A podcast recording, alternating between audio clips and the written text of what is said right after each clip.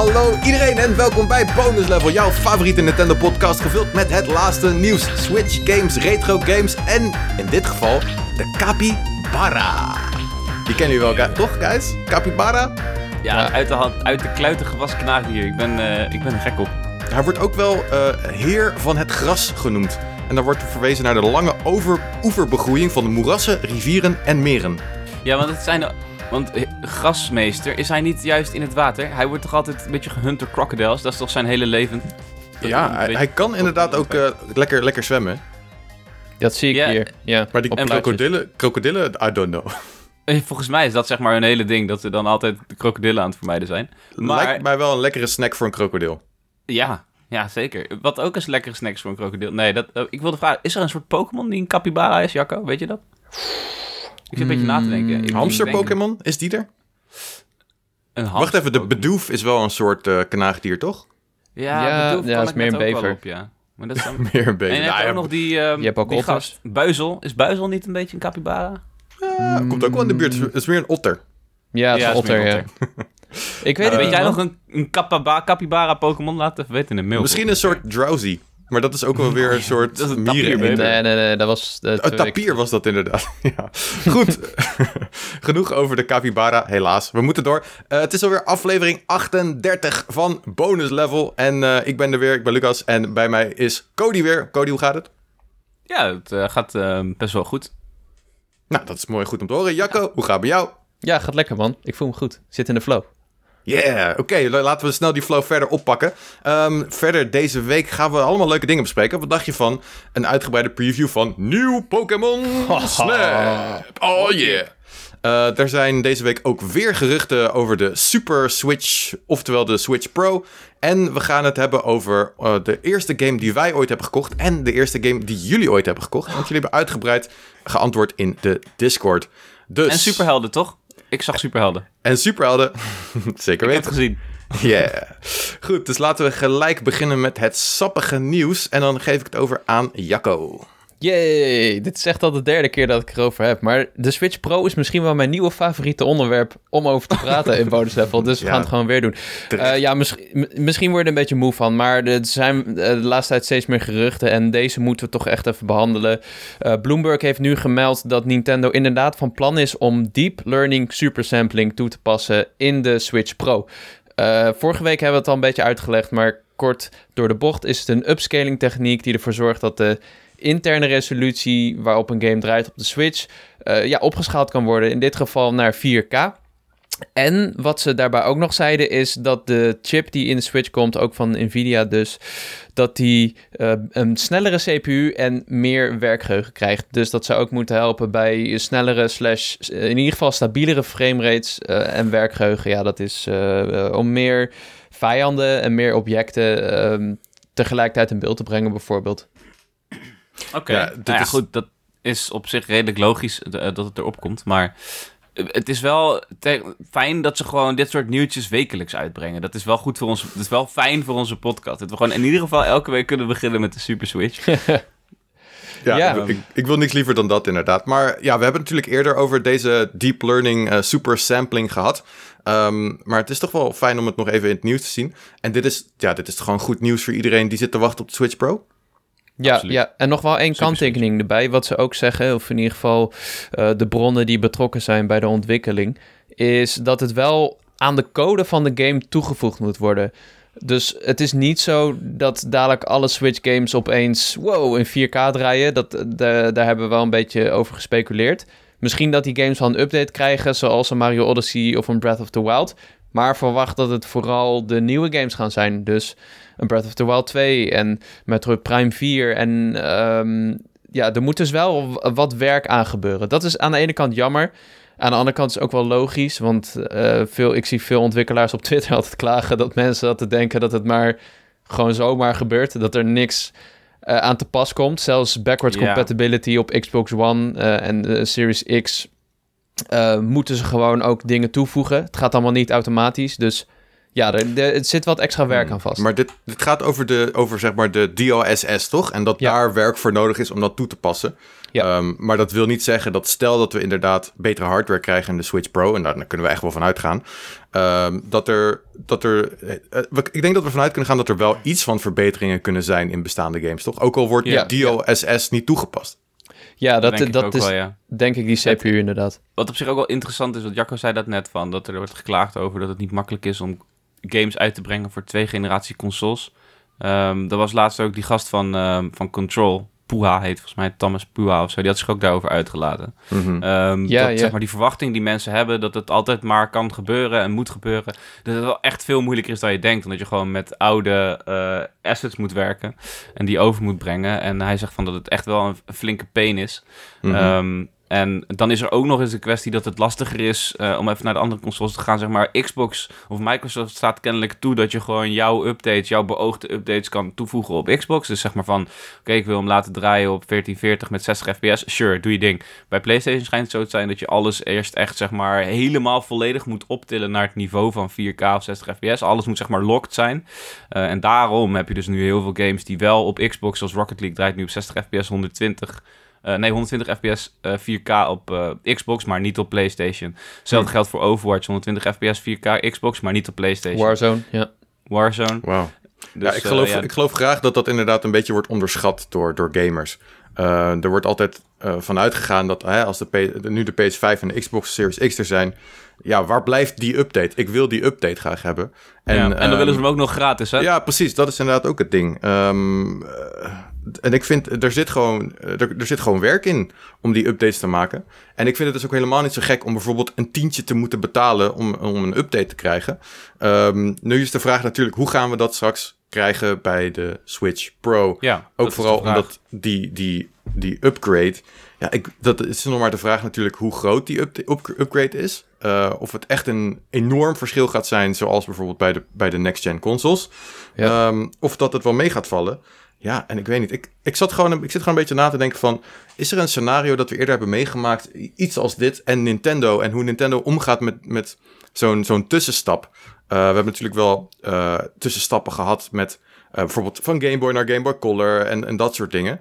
Um, maar ik zit na te denken van hoe gaan zij daarmee om? En zeg maar, kunnen we verwachten dat oude games voor de Switch gratis worden geupgrade... zodat ze gebruik maken van bijvoorbeeld DOSS en überhaupt de kracht van de Switch Pro? Ik weet het niet, man. Ja, ik weet het niet. Als je zeg maar kijkt naar hoe graag Nintendo ports van hun eigen games uitgeeft, zou je zeggen van niet. Ik bedoel, ik heb hier drie Twilight Princess kopietjes liggen. Als ik daar even naar kijk, zou ik zeggen van nou, dat is waarschijnlijk wel gewoon opnieuw aanschaffen. Ja. Maar ik weet het ook niet. Ja, ik ben benieuwd. Ik bedoel, uh, ja. Op zich, de, de, de, de grote games van Nintendo, die blijven nu nog steeds verkopen. Hè, als je denkt aan uh, Mario Kart en uh, ja, Breath of the Wild, volgens mij ook, en, en dat soort dingen. Dus uh, het is op zich, kan het wel aantrekkelijk zijn voor consumenten om te denken van, nou, die games die nu nog steeds veel worden gespeeld, die ik nog steeds speel, die zijn gewoon ook straks op de, de nieuwe Switch gewoon beter. En dat is dan misschien nog een extra reden om, om dat ding in huis te halen. Dus misschien is het niet eens zo'n zo'n slechte strategie om dat dan ook op oude games te, toe te passen. Ja, het is een nieuw terrein voor Nintendo. En uh, ja, ik denk dat ze het zelf ook aan het verkennen zijn van wat kunnen we doen, uh, waar gaan we geld voor vragen, waarvoor niet. En uh, wat je zegt, Lucas, ik denk dat, dat we sowieso wel oude games verbeterd zien worden door de snellere CPU en meer RAM. Want laten we niet vergeten dat veel games van Nintendo zelf best wel struggelen nog met framerate mm en resolutie. bijvoorbeeld uh, Breath of the Wild heeft nog steeds stukken uh, in dat bos en zo, dat je, uh, dat je framerate gewoon inkakt. Ja. Of ook titels als Xenoblade Chronicles 2, die gewoon in uh, 480p of zo draait op ja. handheld. Hyrule Warriors natuurlijk. Ja, um, dat kunnen ze allemaal recht trekken zonder uh, door het gewoon native erop te laten draaien. Een beetje net zoals de nieuwe 3DS dat ook deed. Ja. Ja, ja, ja het, het is afwachten. Ja, het zou echt heel erg nice zijn als oude games ook gebruik kunnen maken van de Switch Pro. Um, ja, alle, alle aanwijzingen lijken toch uh, uh, naar dat we eind dit jaar een nieuwe Switch in onze handen hebben. Ja, ja. vet. Ja, ja en... vet. Ja. Ik had het ook met, uh, met Jacco, want ja, wij hebben een, een, video voor de Power Unlimited YouTube opgenomen. En daar hebben we het ook even kort gehad over van wanneer kunnen we nou meer nieuws verwachten over de Switch Pro. Um, Ja, en daar kwam dus uit dat er eigenlijk pas heel kort van tevoren uh, aankondigingen worden gedaan de laatste tijd. Als je kijkt naar de Switch Lite, als je kijkt naar de normale Switch. Dus uh, waarschijnlijk gaat het nog even duren voordat we meer weten. Ja, mag ik een voorspelling doen? Ik ga een voorspelling doen, ja? Doe het. Ik denk dat we... Het is nu even stil bij Nintendo. Maar ik denk dat we in juni een direct krijgen over Zelda. En ja. um, uh, wie weet nog een aantal najaarsgames, maar vooral Zelda. En dat we in september een direct krijgen met de najaarstitels en de Switch Pro. Ik denk niet dat de Switch Pro in een direct aangekondigd wordt. Dat denk ik echt niet. Ik denk niet? dat het een losse aankondiging wordt. En ik denk echt kort voor de feestdagen. Dus ik zit meer richting november te kijken. Dat die dan pas wordt aangekondigd? Nee, toch? Ik denk dat het echt vrij kort is van aankondiging naar release. Dat is wat ik verwacht. Hmm, maar de, de, ja, ik zit te denken aan de Switch zelf. Die werd wel onthuld in een direct in januari. Ja, maar dat is, een, dat is een hele complete nieuwe console, zeg maar. Een nieuwe generatie. Dit is een upgrade. En ja, ik, ik vind het meer lijnexistentie, zeg maar, dan ontwikkeling. Daarom zeg ik, je hebt er een kortere aanloopperiode voor nodig. Ja, ja, maybe. je wilt juist mensen op die hype hebben nu die nog vaart. En je wilt ze niet uh, te lang willen laten wachten op een dergelijke upgrade die niet mandatory is. Dit is echt puur optioneel. Uh, ja. Bovendien moeten we ook rekening houden met hoe lastig deze console verkrijgbaar gaat worden.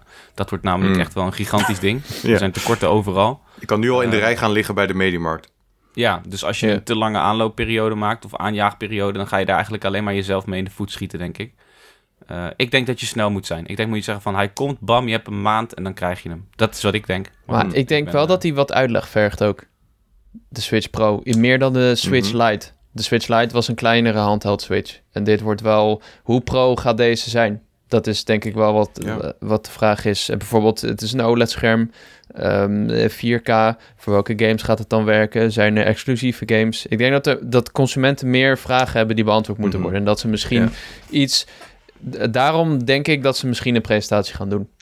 Mhm. Ja, ik denk dat het op zich ook wel logisch is. Want er, we hebben uh, nou ja, geruchten nu gehoord dat hè, Breath of the Wild 2 lanceert samen met de Super Switch. En dat, uh, er wordt ook gespeculeerd dat er wel, wel best wel wat andere games ook tegelijkertijd lanceren. Nou, dus als jij een beetje een mooie launch line-up hebt. Um, en die games die kan je uh, hoogstwaarschijnlijk ook op een normale Switch spelen. Ja, die games die hebben wel, denk ik, iets langer nodig uh, om een beetje voor te kabbelen. En dat mensen weten dat die games bestaan, ook al gaan ze geen Super Switch kopen. Bijvoorbeeld een Breath of the Wild 2, daar kan je niet pas twee maanden voor release over beginnen, denk ik. Ja, maar je, kan toch wel al gewoon die drie maanden van tevoren aankondigen en zeggen van... oh ja, hij krijgt een next-gen upgrade of een next Switch upgrade. Ja, maar het zou wel een lekker geknaller zijn als wij... de volgende keer dat wij Breath of the Wild 2 zien... dat we gelijk hem zien met uh, eh, 4K graphics. Uh, ook al wordt het misschien een, een stream van 1080p, maar dat ja, het wordt gezegd... Waar, ja. Dat, er, dat je gelijk kan zien dat dit wel echt een grafische upgrade heeft. Want dan zijn er de meeste eyeballs op, op Breath of the Wild 2... En nou, dan wil je eigenlijk ook dat moment wel grijpen om ook je nieuwe uh, stukje hardware te verkopen. Ja, je kan ook eigenlijk niet laten zien hoe, hoe veel krachtiger dit ding is zonder een game erbij te laten zien. Dus dan zou Zelda de ultieme optie zijn. Uh, En misschien een paar andere. Maar ik snap, ik snap jou ook wel, Cody. Want ze zijn de laatste tijd wel heel erg van de snelle aankondigingen. En niet te mhm. ver van tevoren plannen. Dus het zou kunnen dat het gewoon een tweet is. En dat ze later wat meer uitleggen. Of dat er. Uh, uh, ik denk niet dat het een tweet is, maar. ja, gewoon ik, ik denk trouwens sowieso dat jullie hebben het over een line-up bij launch. Ja, dat, dan ga, ik, dan ga ik toch even zeggen dat ik niet denk dat we een line-up krijgen bij launch. We krijgen yeah. Zelda Breath of the Wild en een paar opgetilde games van de vorige. We gaan niet ook nog Odyssey 2 en Kart 9 krijgen, jongens. Eventjes... Nee, misschien zijn we te optimistisch inderdaad. Maar ik bedoel, we, we, kunnen nog wel iets anders verwachten voor dit najaar. Alleen Breath of the Wild 4, ja. Alleen Breath of the Wild 4. Picross 4? ja, Picross 4. Er zijn al volgens mij echt Boxboy. zes of zeven of acht of weet ik veel hoeveel Picrossen er zijn op de Switch. Er zijn er fucking veel. Maar we hebben wel al lang... je, je Game Boy shit op de Switch Pro dadelijk. Yes! ja, ja, GBA man, oh dat wil ik. Ja! Exclusief okay. op de Switch Pro, dan ga ik Goeie zo. Yeah. ja. Maar er is een lanceerperiode natuurlijk. En we hebben ook nog, laten we zeggen, tot en met maart... Uh, gaan ze echt nog wel grote titels uitbrengen. Dus misschien ja. dat ze zeggen van... Hij komt dit najaar, je hoeft hem nog niet gelijk te kopen... maar dit komt eraan. Dat ze dan een beetje die verwachtingen scheppen. Ja. ja, aan de andere kant zullen ze eigenlijk... wordt hun hand ook wel langzamerhand geforceerd door Bloomberg en zo. Want het is ja, het is nu niet echt meer een gerucht. Ik vind het niet echt meer een gerucht. Nee, het zijn wel echt uh, goede bronnen inderdaad. Dus um, ja, als zij zeg maar zelf de, de boodschap een beetje willen beheersen... dan mogen ja. ze wel zelf uh, een boodschap naar buiten brengen. Al zie ik en Nintendo er niet voor aan dat ze hun marketingstrategie gaan aanpassen op, nee, op, op denk het niet. En, ja, die heb gewoon scheid. Maar goed, ik heb wel, ja, misschien, wat we, want we hebben natuurlijk eerder geruchten gehad van bijvoorbeeld een Bloomberg. Ehm, is dat vrij kort van tevoren dat die geruchten naar buiten komen? Of kan dat ook wat langer zijn, dat jullie herinneren? Er zijn echt al geruchten vanaf 2018. Right, oké. Nou van uh, Nick Kei ook.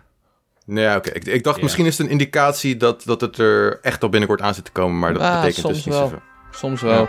Je weet het niet. Sorry. Ja. Alright, uh, voordat we uh, overgaan op het volgende onderwerp, heb ik nog even een, een klein dingetje gevonden. Een patent van een nieuw soort Joy-Con. Ik, ik, heb een plaatje in het bonus level document gezet, boys. hebben jullie hem gezien? Mhm. ja, ik zie alleen geen verschil. Geen wat? Geen verschil? Behalve okay. het dan. Nou, dat is het grote verschil. Uh, nou, laten we even beginnen met zeggen: patenten, dat hoeft op niks eh, te duiden. Uh, er worden 100.000 patenten per dag ingevoerd, denk ik. I don't fucking. Maar bij wijze van spreken. Um, dus dat hoeft niks te betekenen. Maar er is dus wel een patent van een nieuwe Joy-Con ingevoerd. Um, het is in feite is het gewoon een normale Joy-Con. Maar wat we daarop zien is dat op de positie van de analoge stick zit nu een D-pad en ook echt een echte D-pad in plaats van knopjes. Um, en daaronder zit de, uh, niet een analoog stick, maar het lijkt op een circle pad. Ja, net zoals we, niet. Oh net zoals we hebben gehad op de 3DS, uh, eh, onder andere. Ja, ik hmm. vind dat echt een van de vervelendste stukjes tech die we hebben gehad op Nintendo hardware. Ik kan daar niet mee overweg. Ik ben de hele tijd bang dat ik het sloop. Ik voel me niet in controle. Het is niet mm -hmm. oké. Ik vind het niet oké. En, en daaronder zien we trouwens nog twee knopjes. Uh, dus dat zijn twee, twee kleine soort actieknopjes, zo waarschijnlijk een A en B. Dus als je hem sideways houdt, dan heb je best wel een traditionele NES-controller. Oh. Uh, met in het midden een circle pad. Maar ik, ja, ik, ik vind het wel interessant. Eén, uh, dat er een goede D-pad op een officiële Joy-Con zit. Ik word er blij van, want dat hebben we nog niet. Um, maar, de, maar de circle pad, zou dat een manier kunnen zijn om al die stick drift problemen um, ja, te cancelen, zeg maar? Ja, dat zou er inderdaad wel een oplossing voor zijn. Alleen, um, wat mij betreft, geen goede oplossing. Dit is meer handheldish. Ik vind dit niet een. Uh, ik vind dit geen bij, bij je vaste main console passen. Hoe noemde je het? Een circle pad? Circle, circle, circle pad. pad. Ja. Ja, ik weet niet hoe een circle pad werkt. Misschien is je wel net zo gevoelig voor problemen. Ja, nou ja, goed. Op, in principe is, zijn die van de. Er zijn niet gigantische problemen met de circle pads op de 3DS'en geweest, dat ik weet. Ik heb daar nooit een probleem mee gehad in ieder geval. Dat is maar nee, inderdaad. Ik, ook niet. Maar toevallig, omdat ik nu momenteel uh, speel ik Alpha Sapphire, dus ik heb nu weer een beetje direct ervaring met de circle pad. En ik heb er echt al flink wat kritiek op gehad. Niet omdat het niet werkt, maar ik vind het gewoon. Ik voel me wat minder in control. Ik weet niet. Hm. Ja. Het is nog verder van een D-pad vandaan, wat uiteindelijk het beste stukje besturingsknop is, vind ik. Nee. Weet je, een analoog stick was dan... Ik weet van Lucas al dat hij dat niet heel chill vindt. En dan krijg je daarna ook nog dit. Zo voelt het voor mij. Waar ik nog meer controle verlies wanneer ik per se een harde links of een harde rechts maak. Ja. ja. ja dat is mijn ervaring. Het, ja, again, ik word enthousiast van het, van het feit dat, dit een, uh, dat er een D-pad op zit. Misschien dat dit dan als een soort alternatieve Joy-Con wordt aangeboden. Want ik kan me niet voorstellen dat dit de main nieuwe Joy-Con is van de Super Switch of de Switch Pro. Um, met een, en een circle pad op een gekke positie. Want die zit dus in het midden in plaats van hè, linksboven waar die hoort. En een D-pad als uh, main uh, besturingsmogelijkheid. Ja, dat, dat, ik zie het niet gebeuren. Nee, maar dat zijn games ook helemaal niet opgebouwd. Ik speel sowieso nooit met de D-pad, ook al kan het. Maar je kan geen Zelda spelen met een D-pad volgens mij. Nee. Of Mario. Nee, gaat niet. Maar goed. Ja, we, we, houden het in de gaten. Ik, ik, ik hoop dat dit... Uh, ik, zou wel, ik zou er wel eentje als deze zou ik wel, zou ik willen hebben. Gewoon om te wisselen voor de D-pad games. Ja, cool. Ja, ik ben benieuwd. Het zou kunnen dat ze dit gewoon in de winkels leggen als alternatief. Ja, ik zou het cool vinden. Ik, ik, ik, denk dat we dat ook al eerder... Ik had het eerder al verwacht, alternatieve Joy-Cons. Ja, uh, ja. Maar uh, we zijn inmiddels meer dan vier jaar verder en uh, hebben dat nog niet. Maar goed, um, we gaan door naar het volgende nieuwtje. Cody, wil jij deze oppakken, alstublieft? Ja hoor, dat wil ik wel. Pokémon Go-ontwikkelaar Niantic, of Niantic, moet je eigenlijk zeggen. Dat is maar net hoe Brits het wil zeggen. die werkt samen met Nintendo aan een nieuwe app voor smartphones. Alleen dat is niet Pokémon Go, maar Pikmin Go. Of in ieder geval een game in de Pikmin franchise. Worden jullie hier warm van? Als je, de, als je zo de kop hoort, dan dat ik me er even in verdiep. Um, toen ik het uh, zag, werd ik er blij van, ja. Pikmin, ja. Uh, ik, ik word vrolijk van Pikmin. En uh, Pokémon Go vond ik tof. Ehm, dus ja, sure. Het kan toch. Ja, nou ja, goed. Het, het idee natuurlijk van dergelijke games is dat je meer buiten komt. Uh, dat, dat zegt Niantic ook. Die zegt van het is om mensen te motiveren om te gaan wandelen en om het leuker te maken. Dus eigenlijk wat Pokémon Go ook in de kern deed. Uh, en ja, ik moet wel zeggen, ik denk niet dat Pikmin mij op deze manier gaat motiveren zoals Pokémon Go deed. Maar het is natuurlijk altijd een uitgangspunt om daar je technologie voor in te zetten. Voor gezondheid, ja, voor gezondheid, bij wijze van spreken. Uh, in het persbericht is trouwens ook te lezen dat er meerdere apps worden ontwikkeld door Niantic in samenwerking met Nintendo. Dus misschien komt er nog iets anders. Um, maar goed, we weten nu in ieder geval dat Pikmin uh, ermee dat, dat, dat in aanmerking wordt gebracht. Ik vraag me alleen af, wat ga je dan doen? Ga je dan Pikmin verzamelen? Ik bedoel, dat is kind hetzelfde als Pokémon Go. Of ga je dingen bouwen? Wat is wat ja. ding? Ja, Miyamoto zegt dat er wel AR-technologie wordt toegepast. En dat je kan ervaren alsof Pikmin stiekem overal om ons heen leven. Dat is wat hij zegt. Dus hmm. ja, ik denk Pikmin verzamelen of zo. Of puzzels oplossen. I don't know. Puzzels oplossen zou nog wel interessant kunnen zijn. Ja, maar je kan niet de hele wereld vol puzzels maken, denk ik. Moet je heel veel puzzels hebben. Kunnen nooit goed zijn. Ja. Ja, ik weet niet. Het is, eh, ik vind het wel... Op zich denk ik dat Pikmin zich wel leent voor een, een wandelgame. Uh, want hè, de natuur, dat, uh, dat zit uh, in Pikmin. dus ik, ik, ben, ik, ben, ja, ik ben enthousiast. Um, ik denk dat de game ook wel enige tijd in ontwikkeling is. Ehm, want ook in dit nieuwsbericht staat dat dit het eerste spel is... dat is gemaakt door de Tokyo Studio van Niantic. En die is in 2018 opgericht. Dus oh. het kan zijn dat ze hier al nou ja, iets van, van drie jaar of twee uh, aan werken. Uh, en ik hoop dan ook dat het niet al te lang op zich laat wachten. Want ehm, breng het alsjeblieft in de zomer uit. Hè? doe het niet in de, in de herfst of in de winter. Want dan, dan wil je niet meer naar buiten. Maar dat, dat werkte bij Pokémon Go ook zo goed. Dat het was lekker weer. En toen was de hype op zijn hoogst. Ja, laten we hopen dat we naar, naar buiten kunnen deze zomer. Is, is Pikmin niet veel te niche om, om, om een spektakel te gaan worden? Ik kan me het niet voorstellen. Ja, dit, dit wordt niet zo'n hype als Pokémon Go. Dat kan niet. Nee. Maar ja, ik, ik, ik, probeer me voor te stellen hoe het gaat werken. Uh, misschien dat hij wel een soort van uh, informatie uit wandelapps pakt en dan wandelroutes opstelt aan de hand van kleuren Pikmin dat je zeg maar de rode Pikmin volgt en die verzamelt. En als je dan de route af hebt gewandeld, dat je dan een beloning krijgt of zo. Ja, ik zeg ook maar wat hoor. Dat, maar... Wel, nou, dat vind ik best een goede insteek op zich. Ja, misschien dat er ook een soort game-element aan vastzit terwijl je thuis bent. Dus dat je er buiten gaat om uh, Pikmin te verzamelen bijvoorbeeld. En dat je dan thuis komt en dat je dan daarmee um, uh, op je smartphone... of wat helemaal vet zou zijn als er een, nieuwe Pikmin is... dat die met elkaar werkt. Um, dat zou wel cool zijn. Ja. Hm. Ik voel, ik voel het ook wel, ik voel toch wel meer wat van dat van Jacco. Ik bedoel, ik zat laatst nog te oh. denken, wat nou als je een boek uitleest, zeg maar, je leest een boek uit en ik heb dan mijn Platinum Trophies op PlayStation, daar ben ik dan blij mee, dat, dat deel ik dan even met vrienden. Maar ja, als je een boek uitleest, ga je niet zeggen tegen iemand, ik heb een boek uit, want dan is het van, oké, good on you, mate. van, terwijl als je nu hetzelfde doet, zo van, als je een vriend hebt van, yo, ik heb uh, net even 20 kilometer gewandeld, en is dat van, oké, okay, are you trying to make me feel bad? Of wat, wat, is je, wat is je punt hier? Terwijl als je zegt van, yo, kijk deze Pikmin die ik heb verzameld. Gast, ik heb deze drie kleuren al. Dan weten mensen van, oké. Okay, ja, maar je hebt wel Runkeeper en eh, die andere app. En dat zijn echt super competitieve apps waarbij je... Uh, ik vergeet hoe die andere app heet, maar dan kun je letterlijk uh, de leaderboards van bepaalde stukjes, hardlooproutes en fietsroutes en wandelroutes checken. en dan kun je kijken wie de snelste tijd heeft afgelegd. En uh, dat, met vrienden ook. En dat schijnt wel uh, goed te werken. Dat je zeg maar iemand anders tijd of scoren kan verbeteren. Het is tot nu toe het enige uitgangspunt van deze app die mij enthousiast maakt.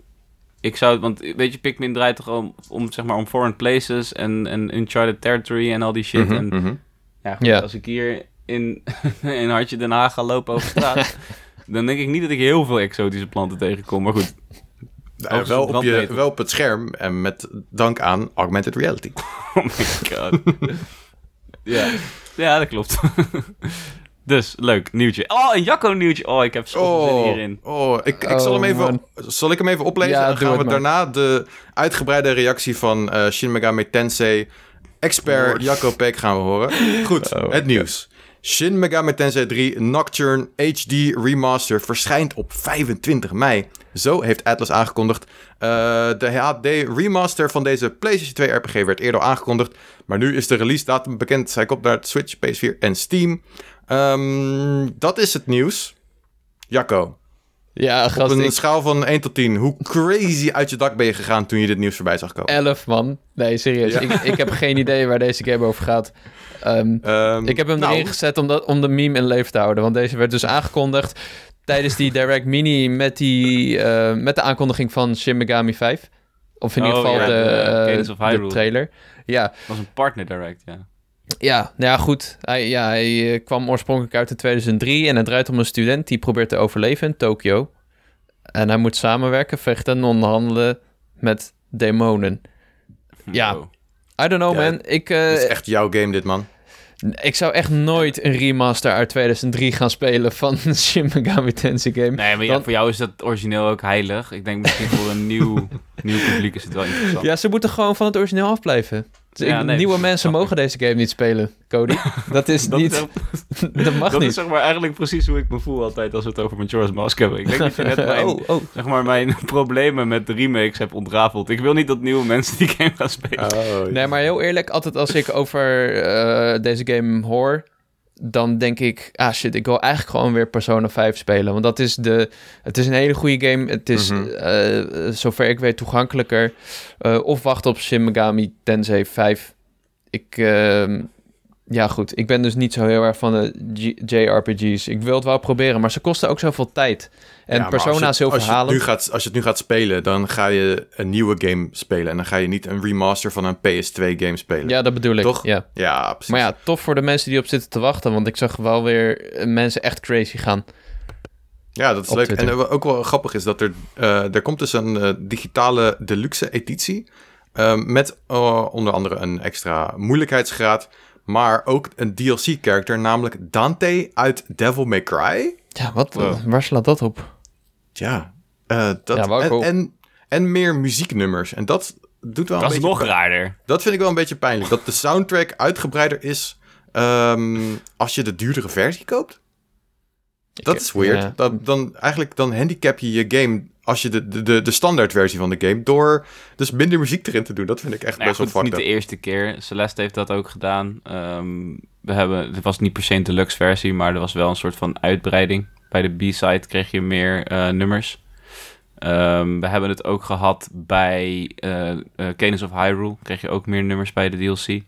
Dus het is right. niet de eerste keer dat het gebeurt. Ja, oké. Okay, ja, dat is een muziekgame. Ja, ja goed, oké. Okay. Sure. Ja. Nou, ik vind het niet per se heel raar. Ik, uh, ik heb zoiets van... Uh, weet je, die, die soundtrack is natuurlijk overgedragen van het origineel. Dat was daar toen al. Uh, en, en nu geef je mensen wat extra's als een deluxe. Ik vind het een leuke manier van een deluxe aanbieden. Liever dan een pakje of zo. Vaak een enjoy more music, weet je, dan... Ja, ik, ik sta er denk ik anders in. Ik vind het niet hmm. heel gek. Ik vind het wel chill. Ja, ik weet niet. Ik weet niks van deze muziek. Dus ik denk dat Nee, dat weet ik ook niet. Per geval nee, absoluut niet. Maar ik kan je wel vertellen dat zeg maar Spelunky 2 muziek... die kan ik inmiddels wel uh, even jieten zo. En als ik nu zeg maar 5 euro zou betalen voor een compleet nieuwe OST... nou, dan had ik er 10 gegeven. Ja, snap ja. ik. Ja, oké. Ik, ik snap je punt inderdaad. Ja. En toch vind ik het een beetje vies om daar geld voor te vragen. Ja, maar je krijgt ook Dante. Dat is leuk. Alright, door naar het laatste nieuwtje van deze week. Uh, en dat is niet zozeer een nieuwtje, maar dat is gewoon even een reminder. Um, Cody? Wow, je was al begonnen haast. nou. Um, nu moet ik even omschakelen. Nee, grapje. Uh, Super Mario All-Stars is dus uh, nog maar een week verkrijgbaar. Tot 31 maart kan je hem nog kopen. Zowel fysiek als digitaal verdwijnt hij dus uh, van deze aardbol. In ieder geval tot Nintendo hem weer uit de kluis haalt. dus ja, wil je hem nog kopen, dan moet je een beetje snel zijn. winkels krijgen ook geen voorraden meer. Um, dus ja, koop hem vooral nu het nog kan. laat je niet gek maken door meer te gaan betalen voor een fysieke versie. Omdat hij nu uh, bijna niet meer verkrijgbaar is. Dat is helemaal niet nodig. Uh, is, hij, is hij nu slecht uh, verkrijgbaar? Kan je hem niet meer kopen? Nou ja, hij is niet per se nu slecht verkrijgbaar, maar er komt geen winkelvoorraad meer. Ja. Dus als die straks niet meer beschikbaar is, dan kan je wel op Marktplaats een aantal exemplaatjes verwachten voor meer dan 60 euro, ja? Ja. Mm. Um, nou ja, dus... goed. De kans is groot dat we voorlopig dat hij nog wel even te koop is. Dat, dat is afhankelijk van hoeveel voorraad er nog is. Ik zie nou, nu bijvoorbeeld... Dat... Je bedoelt dat Netgame bijvoorbeeld hem blijft verkopen nadat hij niet meer na 31 maart? Dat weet ik zo net nog niet hoor. Ja, volgens mij is dat wel het ding hoor. Dat ze gewoon, er komt geen nieuwe voorraad, maar als ze hem hebben, ja, dan gaan ze hem nog wel verkopen. Officieel... Wat gaan ze anders doen? Ja, in de officiële Nintendo winkel in Tokio of zo, hebben ze, mhm. halen ze hem uit de winkels. Uit schappen. Oh, wat de gekke mensen. Ja, maar dat, uh, de, er komt nog wel een direct hè, op 31 maart. Dan uh, kun je kijken hoe Mario wordt mhm. geëxecuteerd. Live. oh, ja, het einde van Mario. Dat was het gewoon. Daarna gaat Luigi verder. Wauw, Super Luigi 3D All-Stars. Oké. dan kan je precies dezelfde games in een nieuwe game uh, kopen. Zeg maar een nieuw pakket kopen. Mm -hmm. Maar dan wordt gewoon de, de, het model van Mario vervangen met Luigi. Ja.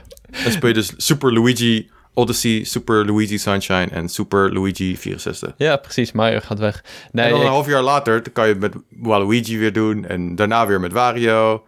Ja, oké, oké. nee, ik zag Easy iemand... Money. Easy money, inderdaad. Ik zag iemand die had een thumbnail gemaakt voor zijn direct met de executie van Mario.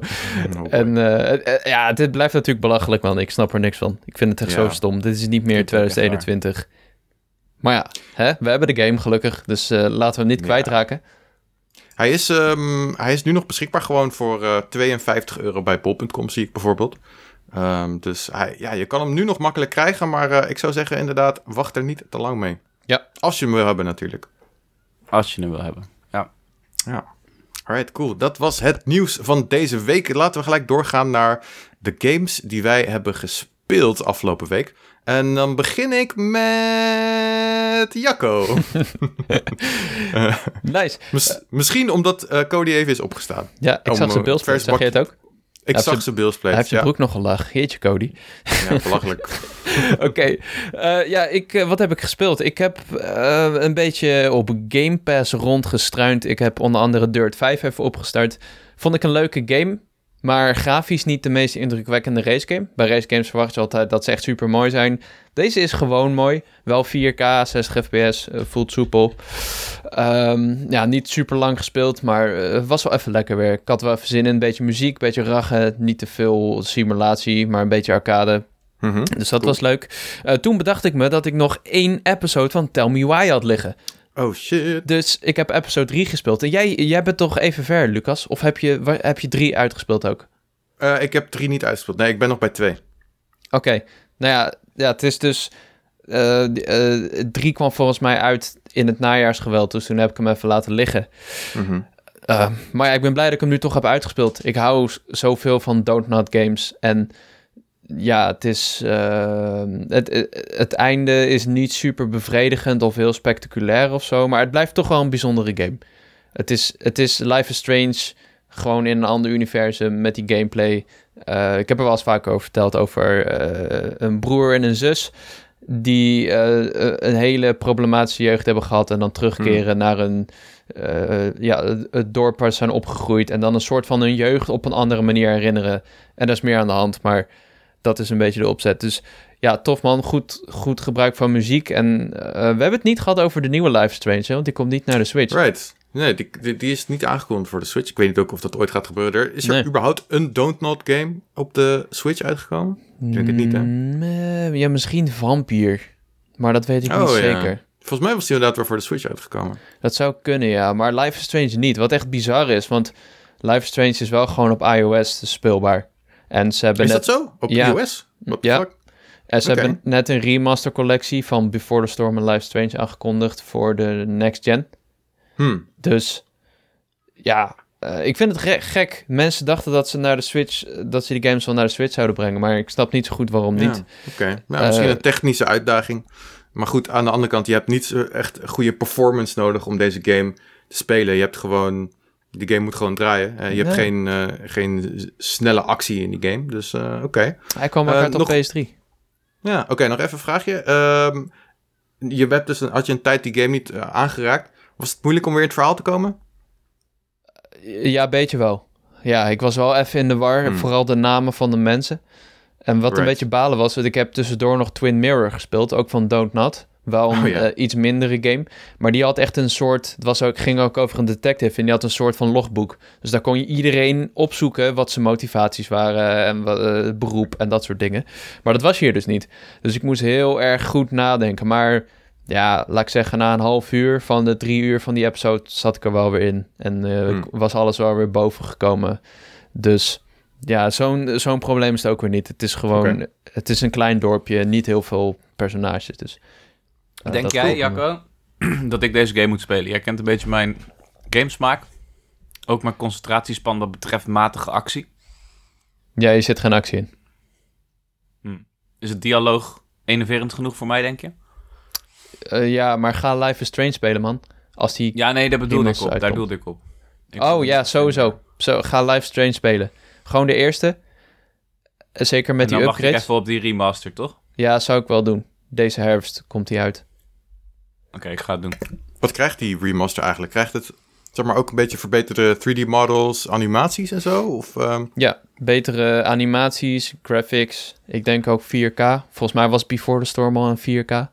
Hmm, maar het origineel zeker. Ja, het origineel gaat er wel van profiteren. Dat was wel een beetje verouderd. Was ook um, echt zo'n Unity game. Echt typisch uh, eerste generatie Unity games. Mm -hmm. uh, maar ja, zo goed man. Echt uh, fantastisch. Hij wordt wel, die nieuwe wordt wel gemaakt door een andere ontwikkelaar. Maar um, ja, het ziet er goed uit allemaal. Cool. Ja, dus ja. nog wat over vragen eigenlijk. Ja? Um, ik weet dat jij zeg maar best wel veel waarde daaraan hecht. Aan dat die door Donut werd gemaakt. Ja kijk je nu minder uit naar dat vervolgdeel? Hoe, hoe kijk je hiernaar? Zeg maar ik kan me voorstellen als fan van de franchise dat je toch een soort vraagteken erbij zet. Ja, ik ben wel iets sceptischer. Als deze door Donald was gemaakt, was ik wel iets enthousiaster. Gewoon omdat ik uh, Live Strange 1 en 2 heel goed vond. Maar aan de andere kant vond ik Before the Storm ook heel goed. Maar die vond ik onder andere heel goed, omdat hij ook gewoon heel erg... Het was een prequel op het eerste deel. En het eerste deel respecteerde ze heel goed. Dus de personages en de omgevingen, die hadden ze grotendeels al neergezet. Dus die konden ze soort van overnemen. Maar desondanks hebben ze dat ook heel goed gedaan. Dus ja... Het, dus je vertrouwt ze wel op zich? Ja, zeker. Het steekt gewoon een beetje dat Donut er niet doet. Ik vind, ik, ik vind het zo pijnlijk. Ik heb wel eens vaak verteld dat ik, die, die bedenker heb geïnterviewd. En hij was zo gepassioneerd. En toen ik al vroeg over Deck 9, uh, merkte ik een beetje aan hem dat hij niet zo... Ja, hij, hij zei zo van... Ja, als iemand anders met de IP in de slag gaat, dan uh, moet Square Enix dat maar weten. Dat was een beetje zijn instelling. Dus ik kan me voorstellen dat zij uh, het ook best wel jammer vinden. Er is iets ja, gebeurd. Square Enix heeft het geweten in ieder geval. ja, en zij hebben de rechten voor de IP. Dus dat is jammer. Ja. Uh, wat best wel gek is, want Doodnot maakt heel erg Life is Strange-achtige games... Terwijl ze nu niet meer verbonden zijn aan Square Enix per se. Ze doen dingen met Bandai Namco en met Microsoft. Um, maar goed, er zal best wel overleg zijn tussen uh, Deck 9 en Don't Not, toch? Ja, dat weet ik Mag dus je niet. hopen en eventueel wat overlap met mensen die dan van Don't Not naar Deck 9 nou, gaan om het ja, een beetje te overzien ja. en zo. Uh, dat kan ook bijna niet anders, denk ik. Vooral als je zo'n game maakt die zo dicht verbonden is aan, aan Life is Strange. Ja, ja goed. Maar ja, we gaan het zien. Uh, nog even kort, ik heb Warzone gespeeld en ik heb Animal Crossing gespeeld. Een paar kleine updates gedaan. Ik ben een diner aan het maken, maar er staat een steen in, in mijn diner. En ik weet niet zo goed hoe ik hem weg moet krijgen, maar ik weet ook niet of ik hem weg wil halen, want ik heb zo weinig steen op mijn eiland. Snap je? Nee, ik kan gewoon uh, laten staan, man. Ja, Dan maak je er een attractie van. Een diner met een steen. Ja, ik dacht aan een zoutsteen. Dan kunnen mensen eraan likken. Want dat, dat is ook hoe dieren mineralen binnenkrijgen. Dat is geen grap. Wauw, oké. Nou ja, het is wel Animal Crossing, dus there you go. Ja, daarom. Ja. Nou, Oké, okay, nou, opgelost. Allemaal gaan likken aan lijn. ja. ja, Niet dus wil je... eiland komen onverwachts. Dan ligt iedereen zo op de grond zo... ja, nice. Ja, lachen man. Ik hou van Animal Crossing. Ja, het zag er goed uit, man. Die foto's die je stuurde weer in de Discord of in, de, in een bonus level. Ho. Ja, cool, Die dojo vloer is echt McCrinkle goed. Ja, ja, daar wordt nog steeds aan gewerkt, maar hij is nu wel iets voller. Ik vond het heel dope. Overigens kan je wel um, uh, stenen uh, verwijderen en laten respawnen. Um, zeg maar, als je, want je kan fruit eten en dan word je super oh. sterk. ja, en kun je hem dan opscheppen. en dan, nee, dan maak je hem kapot. Oh, um, En dan uh, respawnt de steen in een random locatie. Oké. De dag daarna toch pas? Ja. Ik, ik, denk het wel, ja. Ergens anders ja. in mijn diner. Je hebt zeg maar per dag heb je een steen die je kan weghalen. Weet je dit niet meer? Van Early New Horizons Time War. Dat, is echt, dat voelt lang geleden, maar dat was ja, helemaal niet dat is ook meer dan een jaar geleden. je moest even gewoon die steen moest je maximaal scheppen, weet je? Dat je zo aan elke kant kan er zo'n poepie dan. Zeker, en dan kon er goud uitkomen, of oor volgens mij. Precies, en dan die mallen zie je die steen. En dan had je de dag daarna weer één steen op het eiland. En dan moest ik altijd snel opstaan, vroeg opstaan, zodat Loes die steen niet kon nakken. En dan ging ik die resources van die steen nakken, dat was het hele ding. Maar waarom had je maar één steen? Ja, nou ja, goed, dat was gewoon zo. Ik had maar één of twee stenen op mijn eiland elke dag. Oh, oké, oké. Ja, ik ook. Oh, in het begin heb je natuurlijk ook niet het hele eiland dat je kan bezoeken, want dan heb je nog niet de, de, dan, ja. de paal om te fuel jeppen, bijvoorbeeld. En de ladder heb je de eerste natuurlijk ook niet. Ja. Maar goed. Animal Crossing, je bent er dus verzot op, Jacco. Ja, zeker. Ja, ik heb nu 75 uur gespeeld, zag ik. En dat uh, had ik niet gedacht toen ik eraan begon. Wow, dat is wel veel, man. Is ik zit volgens mij op 100 of zo. En dat uh, ga ik... Uh, daar ga jij nog wel overheen, denk ik. Dat is voor mij doen heel veel. Ik heb denk ik alleen Zelda en Pokémon. Pokémon zit ik nu tegen de 100 uur. Maar meer niet. Dat zijn echt de drie meest gespeelde games nu. Ik mis de tijd dat ik uh, echt hard in Animal Crossing zat toen die game net uit was. Dat, dat, ja, er is, bij, er is weinig beters dan dat. Uh, dat, je wakker, dat je wakker wordt en denkt: Het eerste wat ik ga doen is even Animal Crossing. Want ik heb uh, iets geupgrade en dat is er nu. En uh, het is een nieuwe dag en dan kan er weer nieuwe shit in de, in de shop zijn. En bla bla bla bla bla bla. Dat was ja, ik mis dat ook. Dat was voor mij ook de schoonheid van deze game. En dat had ik niet echt bij New Leaf trouwens. Daar had ik wel gewoon zeg maar intrinsieke motivatie om het te blijven spelen. Maar hier was het wel echt volledig prestatiegericht en gecombineerd met wat. Oké, okay, Lucas stelde niet mee. Because he's a privileged little bebe. Maar. Oké. nee, Lucas had de game eerder, dat is wat ik bedoel. Dus ik kon niet echt me meten aan Lucas, maar ik meette me heel erg aan wat, uh, wat Loes deed, wat Lars deed. Elke dag zat ik zo van, oké, als ik nou dit doe, dan kunnen zij dat sowieso niet meer redden vandaag. En dan loop ik echt wel voor. En dan had ik een dag te spelen en dan had Lars een extra kamertje en dan werd ik helemaal bananas. Jij speelde gewoon competitief Animal Crossing. Alleen wow. Cody kan dat, hè? Animal Crossing e-sport. Dat is juist niet de bedoeling. nee, precies. Het is juist ontspannen. Is het idee nou in ieder geval. Dat werkt niet voor mij. Ik maak overal een wedstrijd van. Dus. ja. Alright, cool. Nou, goed. Oké, dat was hem, Jacco? Ja, ja, ik wilde vragen wat Cody had gespeeld. Uh, ja, wat heb ik gespeeld? Ik heb voornamelijk uh, Marvel's Ventures gespeeld. Wat een heerlijke game is trouwens. Ik, um, ik ben zeg maar wel um, niet altijd heel blij met next-gen upgrades. Of dan heb ik zoiets van, ja, wat voegt dit nou eigenlijk toe? Het is wel leuk. En uh, ook bijvoorbeeld een Spider-Man, weet je, leuk next gen, die remastered. Het is echt wel heel mooi geworden en heel dope. Alleen, uh, er wordt nog steeds weinig gebruik gemaakt van DualSense. Je merkt af en toe wel bij zo'n slingertje dat hij even klikt, je controletje. Of dat hij even een extra bibbertje geeft en dat is leuk. Maar hoe het moet, is wat Avengers doet. Dat is mijn mening. Wat dag en nacht, man, dit verschil. Marvel's Avengers voor Next Gen Upgrade, Marvel's Avengers na Next Gen Upgrade. Het is echt intens groot verschil. Okay. rendering distance is fucking hard omhoog gegaan. Het is echt super mooi geworden. Uh, zeg maar, de USP van de Marvel's Avengers was natuurlijk dat je een acht uur lange film van Marvel beleefde, zeg maar. Eigenlijk doorspeelde dat, is, dat effect is nu gewoon vertienvoudigd. Uh, dat is echt, ik ben echt zo erg te spreken over deze next-gen upgrade. In ieder geval in de singleplayer. Tuurlijk, multiplayer heeft nog steeds genoeg, genoeg kritiekpunten. En het is echt een grindfest à la crème. Maar de singleplayer, die tekort is naar mijn mening, is echt awesome nu. Ik kwam rechtstreeks uit Age of, Ultron en het was uh, zaterdagavond, uurtje of twaalf. Ik dacht, nou weet je wat, ik slinger hem nog even aan. Nou, ik heb nog nooit, nou ja, dat wel, maar ik, ik heb de eerste twee uur lang echt in intens genoten van wat ik allemaal meemaakte. Die scènes zijn zo goed. Je voelt je voor het eerst Thor als je speelt. In plaats van dat je gewoon met een ongewichtige hamer rondslingert, voel je nu die impact en hoe zwaar die hamer is voor Thor door die adaptieve triggers. Pak je Captain America, dan gaat dat schild gaat een stuk lichter. Dus je bent ook sneller en behendiger voor je gevoel. Het is ook minder uitputtend voor je handen. En als je Hulk bent, nou, dan moet je nog maar eens proberen om je controle überhaupt vast te houden. Want die gaat helemaal mental, net zoals die gast zelf. En uh, ja, ik vind, dat heel, ik vind dat prachtig. Ik vind dat heel waardevol. En um, ik sprak ook mensen die zeiden van... nee, dit is verschrikkelijk, ik heb het uitgezet. Uh, want het is allemaal te veel en te nieuw. Uh, sure, dat is dan jouw los. Ik geniet hier echt heel, veel, heel erg van. En ik dacht eerst dat het een soort van incidentje was bij mij. Dat ik weer een beetje... omdat ik heel erg in die MCU zit momenteel... dat dat natuurlijk speelt dat ook mee trouwens hoor. Het is precies wat ik wilde. Maar... Um, Jezus Christus, wat een, wat een verbetering, man. Die game is echt van zeer matig naar gewoon echt een lekker spelletje gegaan. Het is, um, het is zo strak. Het is zo ontzettend strak. Moet ik wel bij zeggen. Um, de visuals zijn echt prachtig. Toen ik in een boslevel kwam met Miss Marvel. Toen dacht ik echt even van... Volgens mij is dit het mooiste wat ik heb gezien in videogaming. Qua uiterlijk. Dat, en dat, dat denk ik nog steeds. Dat is niet mis. Maar de gameplay is wel, uh, ondanks de combat best wel lekker is, is wel een beetje stroef. Het is heel erg rough yeah. around the edges. Als je loopt met een, met, een, met, een, uh, met een Thor door hele dunne lineaire paadjes, daar kan je echt geen centimeter van afwijken. Yeah. Uh, hij stuttert ook een beetje, hij heeft een platte kont, dat soort, dat soort grapjes. Het is niet zo heel veel persoonlijkheid. Ja, dat, ik, dat is mijn probleem met Avengers. Uh, de singleplayer ook, de multiplayer ga ik niet eens aan beginnen. Maar uh, die singleplayer vond ik zo lineair. En, is echt extreem lineair. En met zoveel cijfertjes ook. En zoveel herhalende vijanden. En um, het, het, verhaal kwam eigenlijk alleen voor in de cutscenes. Waar je in Spider-Man het gevoel hebt dat je constant een verhaal beleeft. Dat was echt mijn probleem ermee. Mensen zeiden, oh ja, de singleplayer verrast echt. Maar ja, ik kon me er niet... Uh, ja, ik werd er niet zo warm van, helaas.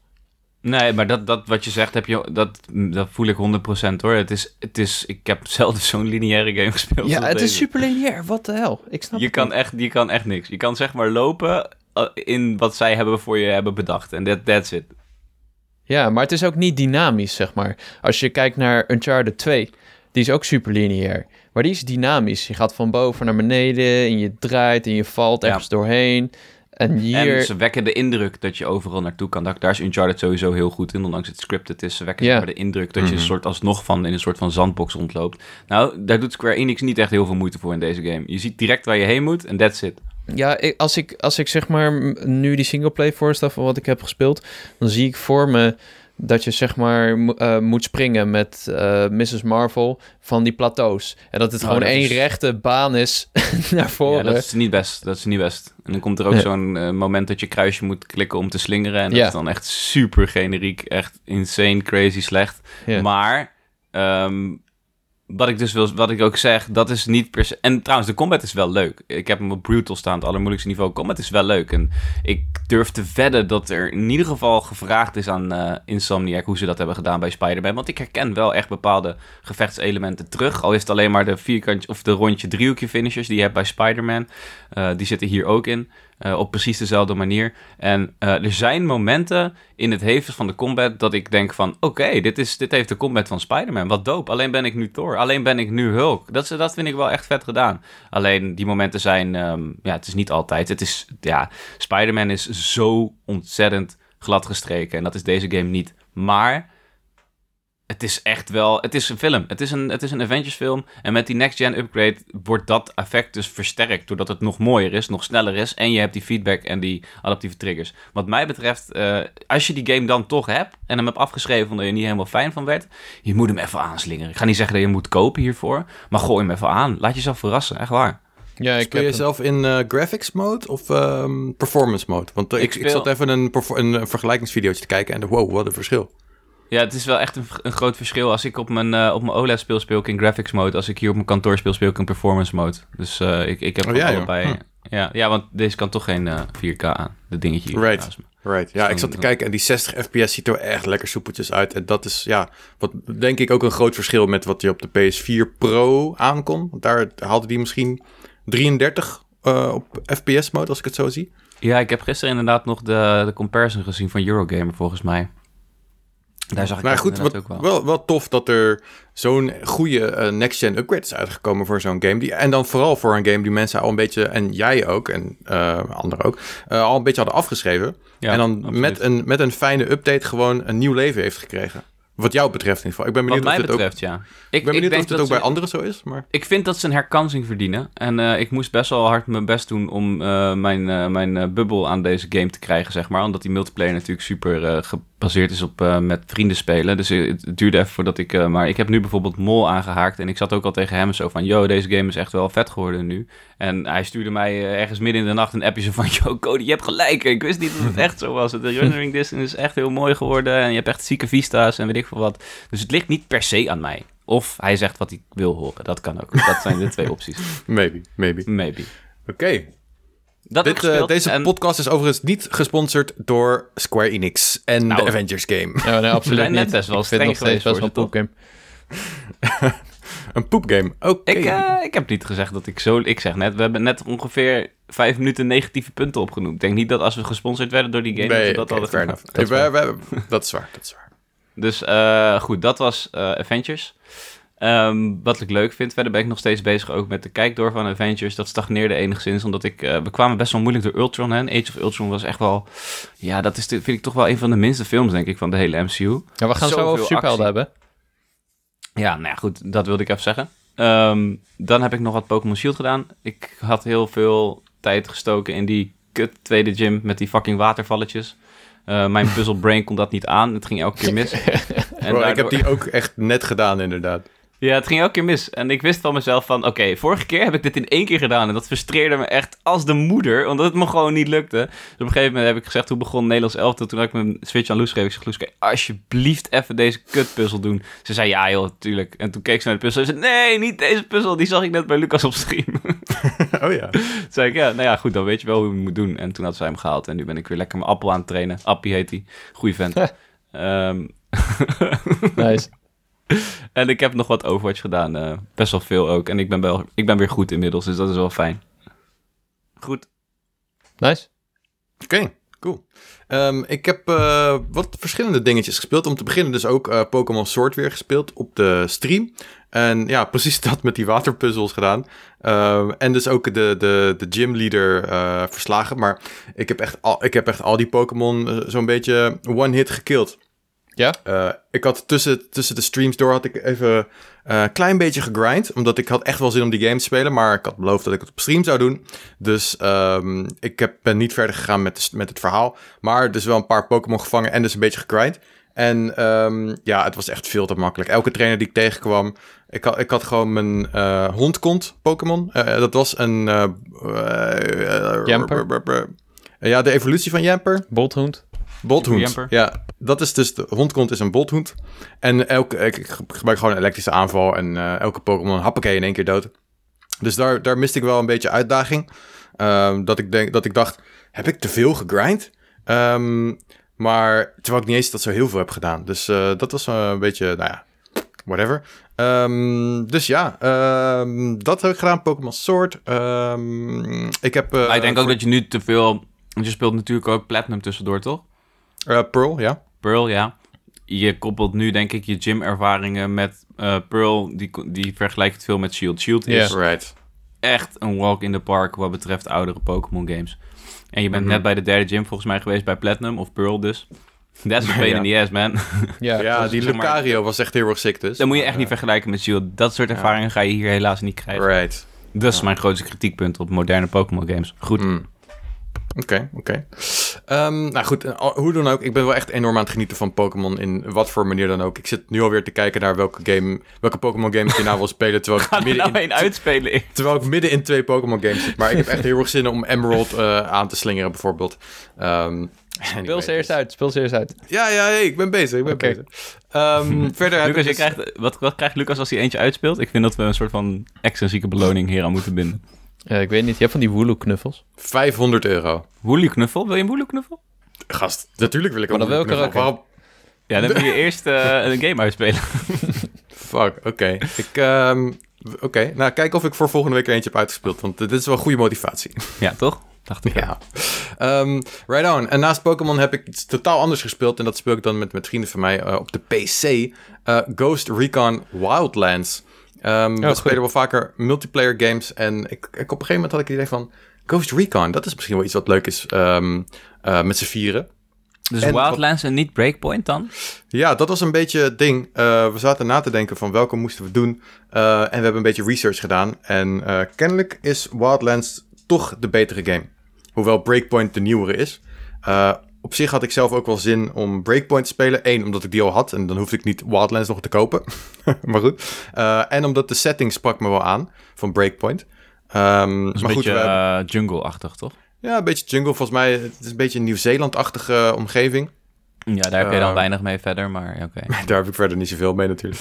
um, maar goed, uh, en uh, we hebben uiteindelijk besloten om Wildlands te doen en dat is helemaal prima. Um, en ik, ik, ik zit wel echt te genieten van die game. Die, er zit echt lekker veel diepgang in. En uh, zeg maar, ik, ik speel met vrienden die, die erg verschillende speelstijlen hebben.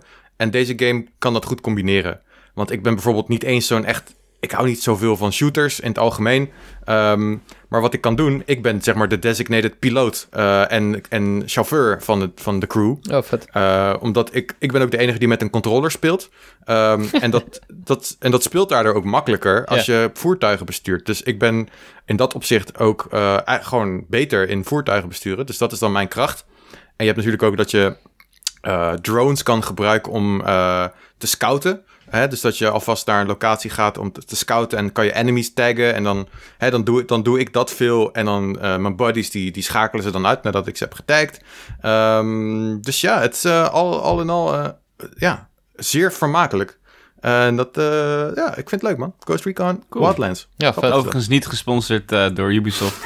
nee, sorry, ik moest even... Um, nee, maar leuk, dis man. Disclaimer, ik krijg mega veel geld van Ubisoft. Vijf euro krijgt hij. Vijf euro, ja. Nee, maar even en, en een op een stokje. Het is altijd heel makkelijk om dit soort games een negatieve review te geven. Daar, ik vind de Ghost Recon games of de Tom Clancy games multiplayer zijn daar echt wel schoolvoorbeelden van. Ondanks de Vision altijd wel goed uit de verf komt bij de reviews. Wildlands uh, ook trouwens hoor. Die, uh, Wildlands ook wel, Breakpoint dan weer totaal niet. Ja, maar die was echt maar, kut bij launch. Ja, nou ja, goed. Het, er zit zoveel verschil in met wie je dit speelt en hoe je dit speelt, hoe je dit beleeft. Als je dit gaat spelen met de indruk van oké, ik ga een fucking zieke AAA-game spelen, let's go baby, ja, dan ga je er niet het beste uithalen. Ga je erin om een good time te beleven met je buddies, ja, dan, dan, mhm. dan zijn deze games echt heel erg leuk. Echt heel erg leuk. Zeker. En dus ze zijn echt van hoge kwaliteit. Maar wat je zegt, ik, zou, ik hoef het echt niet in mijn eentje te spelen. Maar om een game van zulke hoge kwaliteit met je vrienden te spelen... echt gewoon een open world uh, ja, uh, feestje is het geworden, man. Dat ja. is echt awesome. Ja, dat is het dus. Ja, ik vind, ik ben, uh, ja, leuk om te horen. Goed, de laatste game die ik nog even wilde noemen die ik aan het spelen ben, is Picross 3D. Uh, eh, we hadden natuurlijk een tijd geleden hadden we het over de 3DS en over de...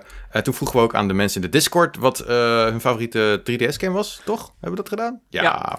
En onder andere kwam daar Picross 3D uit en toen dacht ik, ja, deze heb ik nog steeds niet. En uh, dat heb ik dus even rechtgetrokken. Dus ik heb hem besteld. Hij was echt 10 euro of zo. Uh, en toen kwam er een splinternieuwe 3DS-game kwam binnen. Nog in de seal. Dat was echt best... Dat was even een leuk momentje. Gewoon even... Sst, het eraf halen. Even een doosje ruiken natuurlijk. Zo. uh, hoe dan ook. Um, maar Picross 3D dus in mijn 3DS geknald. En uh, het is best wel even een beetje een learning curve. Want uh, als je Picross al kent, dan, dan zijn er toch nog nieuwe elementen aan Picross 3D die je moet leren. Um, maar het is echt een heerlijke puzzelgame. Het is echt, het werkt heel goed. En het is super ontspannend. Um, op zich is ook de, de moeilijkheid uh, is, de ramp-up is heel erg geleidelijk, dus het begint makkelijk en dan wordt het steeds, steeds moeilijker. Ik ben erachter gekomen ook dat je Amiibo op je 3DS kan doen. En dan krijg je daar puzzels van. Dus ik ben nu bezig met een Toad-puzzel. Oh, dus, uh, briljant. Cool. Ja, dus uh, ik, ik ben me daar keihard mee aan het vermaken. En ik ga er nog wel meer spelen, denk ik. Dus, uh, Doperific. Ja, vet. Dus, en, en ook überhaupt lekker een game spelen op de 3DS. Na, nadat we het al uitgebreid over die, over, erover hebben gehad. Maar het is nice. Ja, ik heb het ook wel een beetje met Alpha, Alpha Sapphire inderdaad. Toch wel een mooi apparaatje, de 3DS. Maar hij ligt nog steeds minder lekker in de hand dan de DSi. Hmm. En, en die stomme poke. Maar uh, het is wel leuk om er weer op te spelen, ja. Ja. Alright. Goed, dat hebben wij dus gespeeld de afgelopen week. Er zitten best wel wat leuke pareltjes tussen. Um, dan gaan we door naar het bonusonderwerp. En uh, ja, dat is even een speciale deze week, joh. Um, Cody heeft namelijk een hele vette preview sessie gehad van nieuw Pokémon Snap. Uh, je hebt de game niet gespeeld, maar je hebt wel uitgebreid beelden gekregen. Je hebt uh, wat antwoorden gekregen van developers, klopt dat? Ook, ja, uiteindelijk. Vooral van de Pokémon Company. Maar uh, uiteindelijk hebben we inderdaad Bandai Namco ook nog wat vraagjes beantwoord via de mail. Nice. ja, het was, ehm, ja, het was een moment. Sorry, ga maar door. Hm? Nee, ik wilde vragen, oh. heb je al antwoord van Bandai Namco? Ja, op twee vragen hebben we antwoord gekregen. Twee vragen? Oh. Ja, dus dat is... dat was sexy. Maar ik weet niet... Eh, dat is niet op, um, op datgene waar jullie bij betrokken waren. Dit was iets anders. Dit waren uh, vragen die ik tijdens de presentatie... of na de presentatie tijdens de Q&A vroeg aan Pokémon Company... waar ze even geen antwoord op wisten. Dus die hebben ze uh, nagevraagd bij, bij, bij de ontwikkelaar. Oh, oké. Ja, goed. Dus, ja, ik was gewoon benieuwd. Maar vertel alles, Cody, man. Uh, wat heb je gezien? Cody, man. Co man, Cody, man, bro. Wat zou de evolutie zijn van Cody, man? Cody, man. Cody, bro. Ja, Cody. Oh my god, die wil ik echt heel snel surpassen. En dan naar de eindevolutie, namelijk... Shimegari Konzi. Oké, oké, sorry. ja, nee, het was, het was leuk. Um, Ja, het is natuurlijk een beetje dubbel. Ehm, allereerst voel ik me natuurlijk uiterst bevoorrecht dat ik zo'n uh, kans mag hebben om uh, bij zo'n preview evenement te zijn van een van mijn favorieten. Nou, in ieder geval kleine Cody's favoriete game ever, Pokémon Snap. Veel te veel tijd ingestoken, veel te veel um, ja, liefde voor die game. Dus het was heel dope om daar aanwezig bij te mogen zijn. Aan de andere kant was het dubbel, omdat als het geen coronatijd was, had ik hem nu ook al gespeeld gehad. En dat was ook wel heel erg leuk geweest. Werd ook, werd ook ja, uh, dus dat, dat voel je wel een klein beetje. In ieder geval, ik voelde dat wel een klein beetje. Van, uh, dat was een klein smetje op een jongensdroom. Maar in ieder geval was erg leuk. En um, ja, tijdens de presentatie is er best wel wat aan het daglicht gekomen. Toch ook aan de andere kant wel iets minder dan ik had gehoopt. Ik had wel meer van die game willen zien. Belangrijkste kanttekening bij dit verhaal is dat ik dus niet weet hoe die game voelt. Dus alles wat ik heb gezien is een kant-en-klare gameplay-presentatie. Is gewoon keihard scripted. En ja, je gaat niet een stukje in je video plakken wat niet lekker loopt. Dus ja, uh, dat is lastig om daarop heel kritisch op te zijn. Want wat ik heb gezien ja, is louter goed. Ja. Cool. Wat, wat heb je gezien? Want uh, we hebben al best wel wat gezien uh, qua trailer, uh, trailers en gameplay. wat, wat springt eruit van, iets, van nieuwe dingen die jij hebt meegemaakt? Uh, nou, in ieder geval werd al vrij snel duidelijk dat er dus gyro-aiming aanwezig is. Iets wat wij al uh, durfden te gissen voorheen, uh, dat dat er aanwezig zou zijn. Ik weet niet hoe sterk deze gyro-aiming is. Ik weet niet of de functionaliteit ook echt, zeg maar, um, nuttig is en of het stick movement kan vervangen. Ik denk persoonlijk van niet, ehm, tenzij het echt heel goed werkt. Een goed voorbeeld is natuurlijk Splatoon.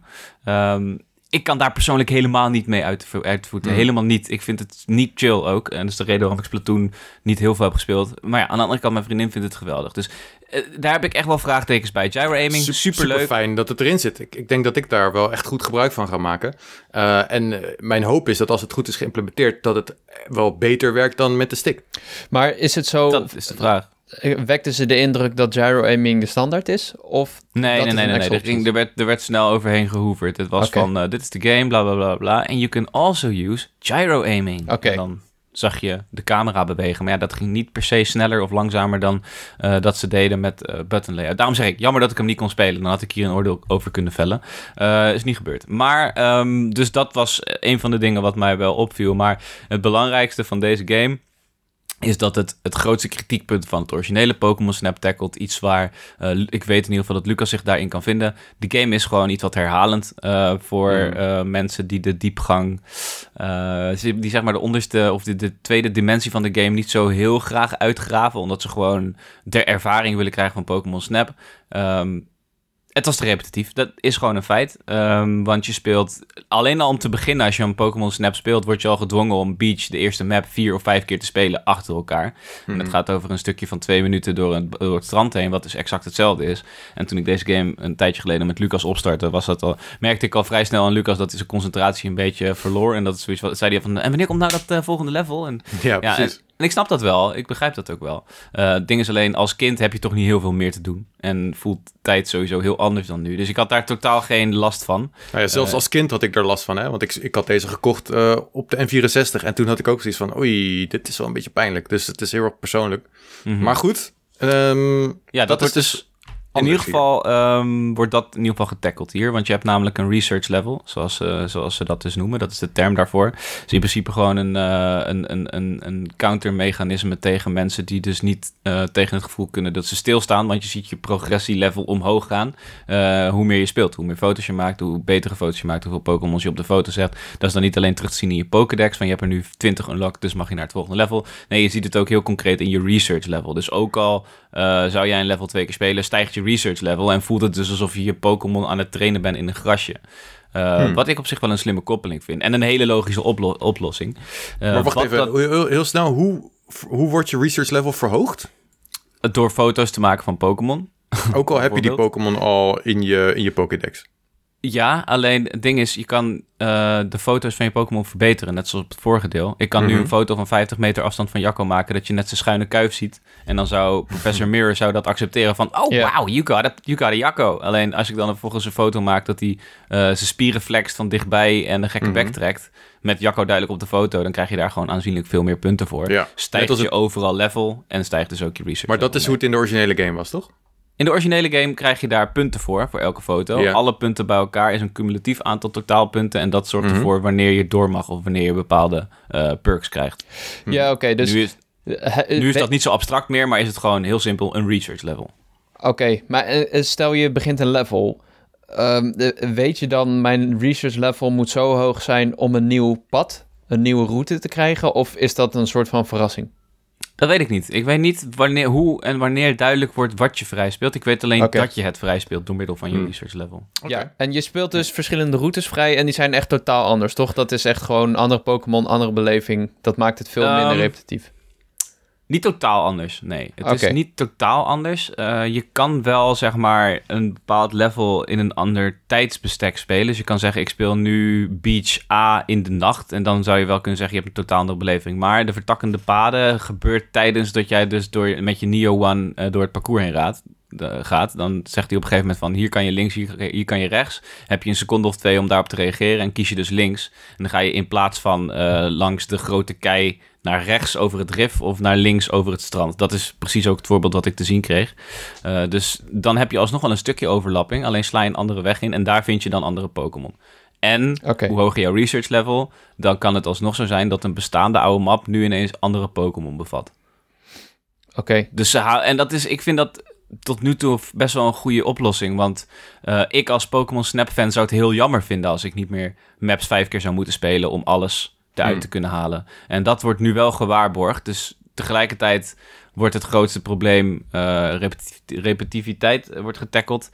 En tegelijkertijd kunnen de fijnproevers nog steeds doen wat ze het liefst doen in Pokémon Snap. Dus ik, ik denk dat het een goede oplossing is. Het voelt voor mij als een goede oplossing. Ja. Uh, in praktijk moet dat maar blijken. Ja, het lijkt me ook heel logisch. En je hebt natuurlijk ook meer, veel meer verschillende Pokémon. Dus je hebt sowieso meer Pokémon om te fotograferen per gebied, lijkt me. Absoluut. Ja, dat is, dat is trouwens wel goed dat je dat aanhaalt. Het is best wel. Eh, en ik, ik vind aan de ene kant is het natuurlijk super positief, maar het is ook wel een beetje hectisch af en toe. Want in Pokémon Snap is het gewoon, zeg maar, je deelt een map op in tien stukjes voor je hoofd. Dan weet je, op, elke, op elk stukje kan je drie, vier Pokémon fotograferen. Misschien wel minder, zelfs één of twee. Ja. Uh, en hier word je wel echt doodgegooid met Pokémon. Weet je, je begint aan die map, je ziet direct een Executor als een gek langs je rennen. Links zit een Corsola, rechts zit alweer een Belos om te zingen. Je kan onmogelijk alles op... De, het is best wel een beetje overwhelming zelfs. Ja, dan moet je dus ook vet, geheimen gaan zoeken. Dat vind ik vet. cool. Maar wat ik me dan wel afvraag... Ehm, in hoeverre voelt het... Ik, ja, je hebt het niet gespeeld natuurlijk, maar je hebt het wel best wel uitgebreid gezien. In hoeverre voelt het als een soort attractiepark waar Pokémon in zitten? Of een soort dierentuin? Of voelt het echt als een redelijk geloofwaardige uh, natuurlijke omgeving waar Pokémon gewoon wonen? Um, gewoon leven. Dat is wel een goede vraag. ik vind dat dit um, was heel sterk aan het origineel van Pokémon Snap. Als jij die mijnen inging, uh, of de grotten inging, of je kwam in een vulkaan. Zeker het vulkaan ook zo'n goed voorbeeld. Dat voelde super Uncharted. En het voelde absoluut alsof jij daar niks had te zoeken. En alsof je hmm. in de natuurlijke habitat van de Pokémon was. Ik heb alleen concrete gameplay gezien van het eerste level van Beach. Zeg maar, daar heb ik echt veel van gezien. Mhm. En ehm, daar zou je kunnen zeggen, juist doordat er zoveel Pokémon zijn, dat het enigszins voelt alsof je in een soort van Beekse Bergen bent. Ja, dat, dat kan ik me wel in vinden. Ja. Mm, mm maar dat is uit ook met de, de, de, de, locatie te maken van we kunnen nou eenmaal naar het strand. Het is moeilijker om een vulkaan in te lopen. Dus ik hoop dat de volgende levels daar ehm, anders in staan. Maar ja. wel een goed punt. Ja, dat snap ik wel. En uh, hoe is het gevoel van immersie dan? Hoe, ik, ik ben zo benieuwd, zeg maar... Eh, stel je stapt zo'n karretje in. Uh, is, heb je dan een beetje natuurgeluiden? Hoe aanwezig zijn de cries van de Pokémon? En, de cries van de Pokémon zijn heel erg aanwezig. Dat was ook in het origineel zo. Ik heb altijd direct het voorbeeld... als je het eerste level begint... hoor je direct zo'n Pidgey... Mhm. En dat yeah. zit nog wel eens gewoon in mijn hoofd af en toe, dat geluid. Ehm, hier zijn de cries ook aanwezig. Uh, je hebt een klein muziekje op de achtergrond. Ik weet niet zeker of dat in nieuw Pokémon Snap ook het geval is. Omdat ik natuurlijk een voice-over over de gameplay had. Dus ik heb daar niet heel veel op kunnen focussen. Uh, maar qua immersie zit het echt wel goed, man. Dat, uh, daar durf ik mijn hand voor in het vuur te steken. Ja, en de animaties en zo en de Pokémon zelf, daar, dat vind ik eigenlijk dat is echt de reden dat ik deze game wil spelen. Gewoon uh, zien hoe ze uh, hoe levendig ze die Pokémon neer weten te zetten. Dat is ook eigenlijk de reden waarom ik Pokémon speel. Dat was Sword ja. Shield al heel goed. En hier, jij vertelde bijvoorbeeld een Torchic, dat je dan een appel gooit en dat hij dan eerst even verbrandt en dan opeet. Kijk, ja, dat is leuk. Dat is fantastisch, dat is. Leuk. Dat, is, dat is waarom ik het wil spelen. Je hebt ook best wel grappige nuances daarin. Want je hebt ook, ik zag zo'n Sandy Gas, zo'n gek zandkasteelmannetje. Mhm. En je, als je een pook, als je zeg maar een appel naar hem gooit, dan springt hij erop en dan is hij in één keer op. En dan kijkt hij echt van, van gast, één appel? Come on. Hier kan ik niet op leven. En dan gaat hij zo voor je karretje staan en dan gaat hij zo heel vervelend doen. Mag je er niet door totdat je hem iets van vier appels geeft, bij zo'n oh. spreken. In ieder geval, dat maakte ik eruit op. Superleuk. De Pokémon reageren anders op. Uh, ze hebben ook echt gedrag, zeg maar. Die Torchic die doet inderdaad een flamethrower of een embertje erop en een ATM op. En dan vindt hij het super lekker. Waar die Sandy Guest heel vervelend doet. Uh, er liep ook zo'n... Ehm, ik weet even niet meer welke Pokémon er was, maar er was ook een Pokémon die had helemaal geen oog voor zo'n appel. Die denk ik van, ja, kan mij het schelen. Uh, dat was ook in het origineel, dus die zal je dan moeten gaan, uh, gaan lokken of ga, zijn aandacht gaan krijgen met een ander iets dan een appel. Dat was voorheen de pesterbal. Ik heb die hier nog niet gezien en ik begrijp ook wel waarom enigszins. Want het is een beetje raar natuurlijk dat je een soort van gifstoffen op Pokémon gaat gooien zodat je een goede foto kan maken. Het gaat een beetje tegen het oh, idee van Pokémon. Zou daarom misschien eruit zijn? Ja, kan dat ook... is mijn invulling. Maar... Ja, dat, zoals dat je in de safari stenen kon gooien. Dat was ook een beetje gek. Wat? Ja, uh, maar ja, wat jij nu wilde gaan zeggen, Jacco, inderdaad, je kan nu scannen. En wat ik denk dat dat een soort van de logische uh, variant is van pasterballs. Um, in ieder geval, het is, een, het is, een, het is wederom een, um, een manier om de aandacht van Pokémon te lokken of hun uit te lokken om een gekke beweging te gaan maken. Dan druk je dus op scan. Dan zie je een soort van, uh, ja, zo'n logische scan die ook in Assassin's Creed Valhalla hebt. Zo'n R3 dingetje, weet je wel, zo'n Witcher Sense-achtig iets. En dan zie je eventjes de Pokémon in je beeld. Je ziet erbij wat het geslacht is, wat de naam van de Pokémon is. En uh, sommige Pokémon worden ook getriggerd door zo'n scan. Bijvoorbeeld de Corsola. Die heeft zijn ogen dicht en is aan het slapen. En als je hem scant, dan schrikt hij zo wakker. En dan oh. kijkt hij even aan en doet hij een hmm. dansje of zo. Schiet je op precies op het goede moment op, van die foto. Uh, schiet je precies op het goede moment van dat dansje een foto. Krijg je extra punten van Professor Mirror. Die erkent dan ook, oh, you found a dancing Corsola. Well done. Oh, cool. Dat was trouwens professor ook. Is het weer die stem ook? Of nee, nee, dit was professor ook. Ah, fuck. dat krijg ik, niet uit. die, die stem van professor ook gaan we wel missen in New Pokémon. Ja, sowieso. hij zit er vast well in. Done. Hij zit er vast in met een easter egg. Hmm, dat hij hem zo belt. Aan, ja. In het laatste level is hij de eindbaas. Ik heb trouwens... Uh, ja. Nog een, de, de, de, trailer die we Pokémon Presents kregen, had ik nog even laatst even goed geanalyseerd. Echt schermpje voor schermpje. Um, en uh, Professor Mirror is niet Todd. Dat, dat weet ik inmiddels. Nee, want op een gegeven moment heb je een scène in die trailer... dat er zeg maar een gast is naast Professor Mirror. Dat is 100% Todd. Ik weet zeker dat die guy Todd is. Maar hoe heet die professor? Professor Mirror? Ja. Oh, Oké, okay, dus dat is een soort spiegelversie van Todd dus. Nee, ik denk dat hij gewoon Mirror van zijn achternaam heet, man. Ja. Oké, okay, je denkt niet dat er een soort lore is uh, hierachter, dat het een soort kloon is van Todd en zo? Nee, ik denk niet dat het een, kloon is van Todd. Oh, maar, je hebt dus, maar je hebt Todd dus ook gezien in die trailer? Okay. Ja, ik heb Todd ook gezien in die trailer. Denk je? Oké, cool. Denk, ik, ja. Uh, hmm. goed, ik, ik, ik deel zo meteen wel Hoe kan dat? Want die professor die ziet er precies uit als Todd, maar dan met een baardje, toch? Ja, maar ja, hij lijkt wel ook wel op meer professoren of andere. Ik dacht dat eerst ook, maar kijk hier. Ja, nou ja, goed. Um, ik heb hier een. Laat even zien aan de mensen thuis. Ja, mensen, kijk even uit je raam nu. Kijk even mee. Maar hier is een, kijk, dit is professor. Hier zie je dus. Ik heb nu even een foto gevonden met de professor Mirror op links. En dan overduidelijk Todd op rechts. Dit is Todd hier. Hij heeft zelfs dezelfde kleding aan. Moet ik ergens kijken? Ik snap niet. In het bonuslevelbestand. Oh, in het bonuslevelbestand. Oh, jeetje. Oh. oh ja, hij lijkt er wel op, ja man. Huh. Want dus, uh, misschien is dat, misschien is dat uh, Todd, uh, Todd, Todd Junior. ik, weet, ik weet niet hoeveel jaar verder Een Todd clone of een Todd Junior. Het kan allemaal. Nieuw Pokémon Snap volgens ik Lucas. Echt, ik hoop echt dat er gekke, duistere geheimen zitten. Uh, in deze game. Ja, nou ja, goed, dat is wel uh, waar Pokémon Snap om draait. Gekke, duistere geheimen. Um, weet je, uh, misschien weten we dit al, maar dat ik het niet meer weet. Maar je eigen karakter, want je speelt dus niet meer als Todd. Mm Als wie speel je wel? Weten we dat? Je kan kiezen uit een little kiddo of een little girl. little boy is een klein jongetje of een klein meisje. Um, iets minder generiek dan normaal gesproken bij Pokémon games, voor mijn gevoel. Ik weet niet of je hem ook kan customizen of zo. Maar en ik vond vooral het uh, kleine meisje, zeg maar, het ladietje, dat, dat had wel persoonlijkheid. Die voelde ik op zich wel.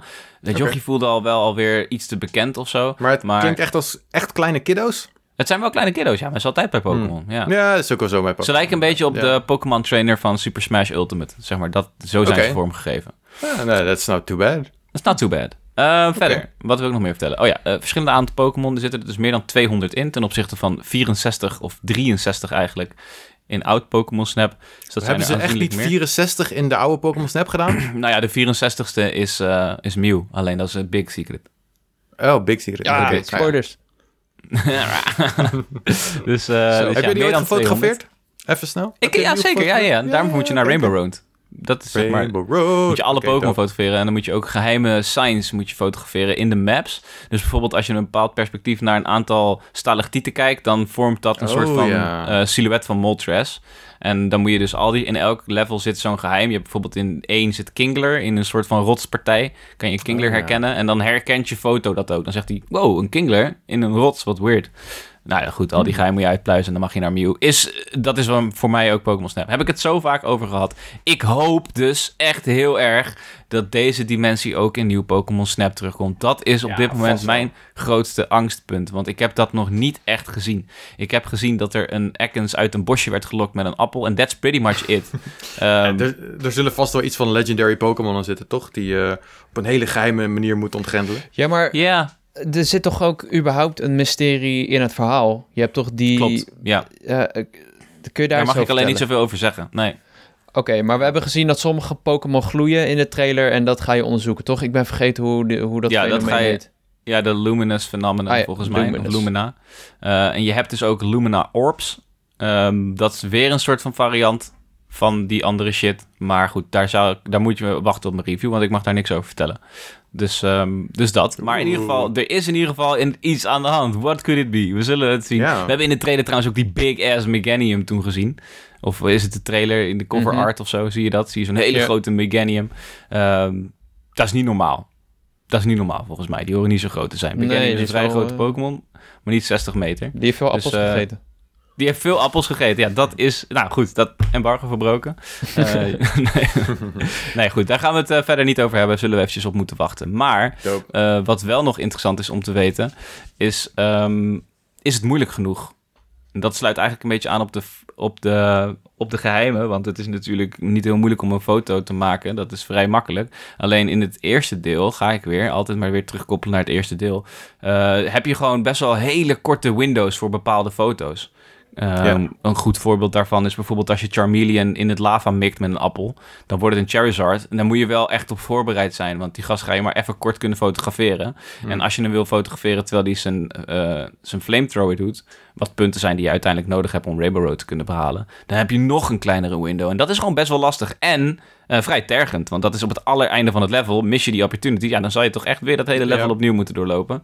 Ja. Ehm, en ik hoop dat ze dat wel intact laten. Ik hoop niet dat toegankelijkheid weer een, uh, een, een te groot thema is van deze game. Ik dat durf nu al te zeggen dat deze game makkelijker wordt dan het origineel. Dat lijkt me een redelijke aanname, maar ja, je, je, nog, wat je nog niet had genoemd is natuurlijk dat je, uh, je kan online kan je, je foto's delen, ja. toch? Ja. Um, en misschien dat daar dan wel wat een stukje competitiviteit in zit. Um, dat je daar uh, je foto's deelt en een beetje battelt met oh, wie heeft de mooiste foto. Ja, absoluut. Ik vind dat ook wel een aantrekkelijk gedeelte van, uh, van de game. De online functionaliteiten zijn. Natuurlijk uh, waren er droomscenario's waarin je samen het land over kon cruisen. Dat is niet het geval. Wat wel het geval is, is dat je foto's kan delen. Um, en ja, goed, dat, ik vind dat wel leuk. Ik, ik vind het wel leuk om af en toe eventjes uh, zeg maar naar de verzamelpagina van Jacco te gaan... om te kijken wat hij allemaal gefotografeerd heeft. Hm. Bovendien is het ook leerzaam, want als ik bij Jacco zie... dat hij uh, dat die Blaziken een soort van omhaal met een voetbal heeft laten doen... Ja. Nou, dan denk ik toch van, dat heb ik gemist. Dus dat, wil ik dan wel even kijken. Dat vooral inderdaad. Ik bedoel, de likes zijn leuk en het is, het is ook wel tof dat je dadelijk dan een pagina krijgt... met gewoon de beste fotografen van de wereld... Uh, en uh, al dan niet met die bewerkopties die er ook in zitten. Uh, maar de inspiratie daar, dat lijkt me tof. Want ik ben, ja. ik ben meestal niet zo heel creatief vanuit mezelf in games. En ik vind het dan vet om zeg maar een doel te hebben en dan daar naartoe te werken. Op die manier. Dus dat is heel cool. Um, ja, ja. ja dat is wel een directe manier om dat te ervaren inderdaad. Um, in plaats van zeg maar blijven gissen van wat mis ik nou? En dan had je natuurlijk mm. het internet, maar dat gebruik je niet als je een coole vent bent. Zoals ik op mijn veertiende was. Nou, veertien, hoe oud was ik? Vijf of zo. Maar uh, het is, ik vind het een soort van geoorloofde cheat als ik ga kijken wat hebben jullie ontdekt.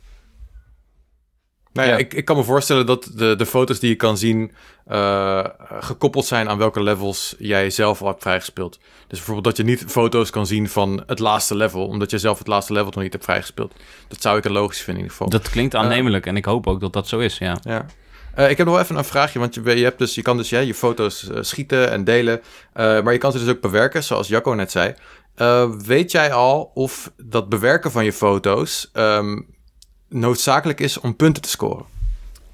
Um, zeg maar, moet je dat doen Niet voor je research, level. Want je research level staat volgens mij los van je uh, aanzien. Zeg maar je online level dat je hebt. Een soort van aanzien level wat gebaseerd is op likes. Volgens mij staat okay, dat los dus van elkaar. Je bent dus een soort influencer? I guess. Of je bent in ieder hmm. geval uh, gewoon je shit aan het posten op, op Hives of hoe dat ook heet tegenwoordig. En je wil een like hiervoor. Jezus, op huis. Jezus, ja, ik ben echt een oude dus, man. Maar even voor de duidelijkheid, dit is, dit is fictief, toch? Uh, een fictief soort social media. Ja, Pokémon zijn nep, inderdaad. Ja, nee. Gewoon in de game. Nee, maar, maar je bedoelt dat je in de game fictieve likes krijgt als je shit edit. Ja, of en dat, is dat je... het echte likes zijn. Uit, van mensen uit de community die ook de game hebben. Nee. Dat is precies nee, hetzelfde, toch? Nee, nee, nee, ik bedoel... Nee, nee, nee, maar... dit laatste. Ik begrijp nu je vraag. Het je laatste kreeg likes van echte mensen, toch? Ja. Oké, ja, oké. Dat was de vraag. En dat, dat verhoogt je, je aanzien als fotografeerder. Dat... Nee, niet fotografeerder, fotograaf. Fotograaf. dat verhoogt dus je aanzien. Maar dat staat los van je research level. Maar... maar wat, wat is je aanzien? Is dat een level of zo? Of... Nee, dat is gewoon, nou ja, dat is gewoon hoe, hoe cool ze je vinden, weet je? Als oh, oké. Okay, dat is... Oh, dat wordt niet de game bij, hebt, dan ben je super cool. En 499 ben je gewoon regular dude. Dus okay, dat is een beetje een ding. Oké, dus je, je like-percentage of je, het aantal Je krijgt er niks voor, Lucas. Het is echt... Ja, nee, ik ben gewoon benieuwd. Wat, nee, wat maar je, je, hebt wel die up-and-coming of de, de meest gelikte foto's. Dat ja. Eh, hebben ze aangekondigd dat ze dat wel een soort gaan, uh, gaan sorteren. Zodat je daar tussen kan kijken. Dus je krijgt wel een soort van uh, fame inderdaad. Maar ik moest Zou heel cool lachen. als je daarbij staat, ja. Ja, zeker. ja, dat als je op de hoofdpagina ziet en je ziet de foto van Lucas mee... dan ga ik wel even, wow, die ken ik. Dat is wel een prestatie inderdaad. Maar ik moest zo hard lachen op jouw preview, Cody. Je had geschreven, voor het hippe volk kun je tegenwoordig ook foto's bewerken en filters toevoegen. ik dacht, ja, hey. dat is toch niet voor het hippe volk, dat is wat iedereen doet. nou ja, ik ben dus kennelijk niet iedereen, want ik doe dat niet.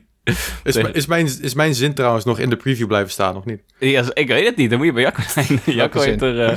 Ik, had een, uh, ik had de preview even doorgelezen van Cody en toen had ik zo van... Hé, hey, die gyro-aiming, dat was het toch? Gyro-aiming, uh, daar wilde ik nog iets over weten. Mm. Oh, die zin. Nee, die heb ik verwijderd. Die was... Oh, man! ja, ja, het was een doodserieus preview. En toen kwam... Het stond er opeens... Ja, uh, je kan lekker met je armpjes zwieperen of zo.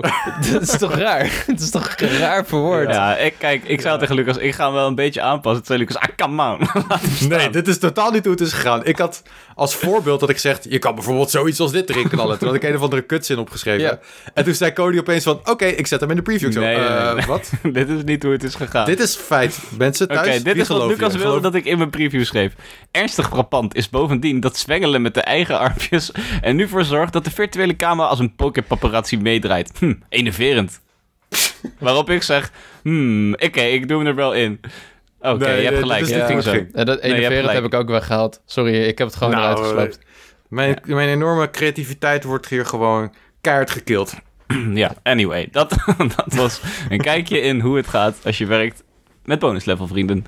Um, dus, zijn er genoeg geheimen? Weet ik niet. Hoop ik. Is het moeilijk genoeg? Weet ik niet. Hoop ik.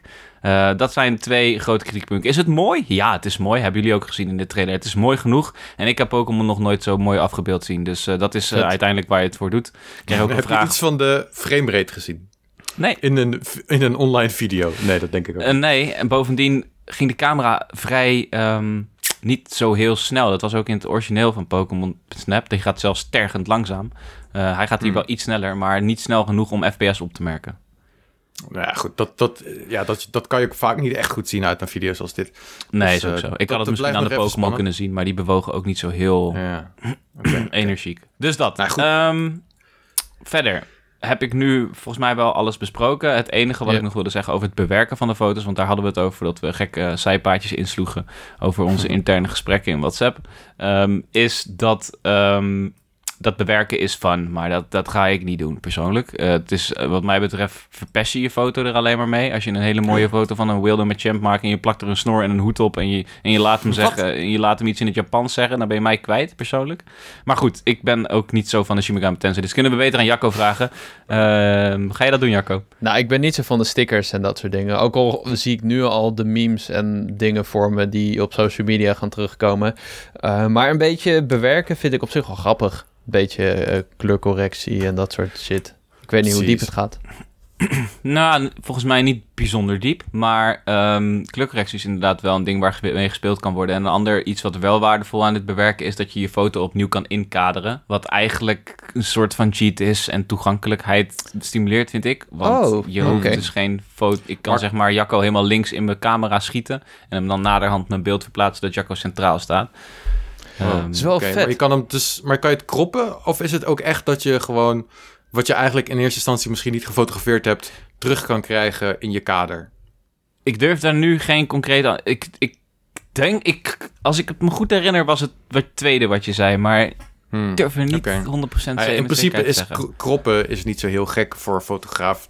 Um, mits je wel een beetje kwaliteit behoudt. Ja, het is wel wat het dus hippe volk doet tegenwoordig, ja. Het hippe volk doet dat tegenwoordig, ja, op huis. Ook regelmatig. Kroppen is hip. Je hebt het hier voor het eerst gehoord. Op de, bij de hipste podcast van het universum. Dat is bonus level. Dat, zijn we. Oh, oké. Ik dacht. En ik word weer gebeld door een onbekend nummer. Dat vind ik altijd irritant. Stop dus ja, um, ja, hebben jullie nog vragen voordat we doorgaan? Wanneer komt die uit? 30 april. Oké. nog iets? Ja, ja, ik denk dat je alles wel beantwoord hebt, man. Ik wilde vooral weten hoe het zit met uh, uh, de Pokémon zelf. En uh, ja, de herhaling. Ja, goed, ik had het natuurlijk al gelezen. Ik ben heel benieuwd. Ik, uh, ik ga deze game uh, met een uh, frisse blik spelen op 30 april. Ja, leuk. Nice.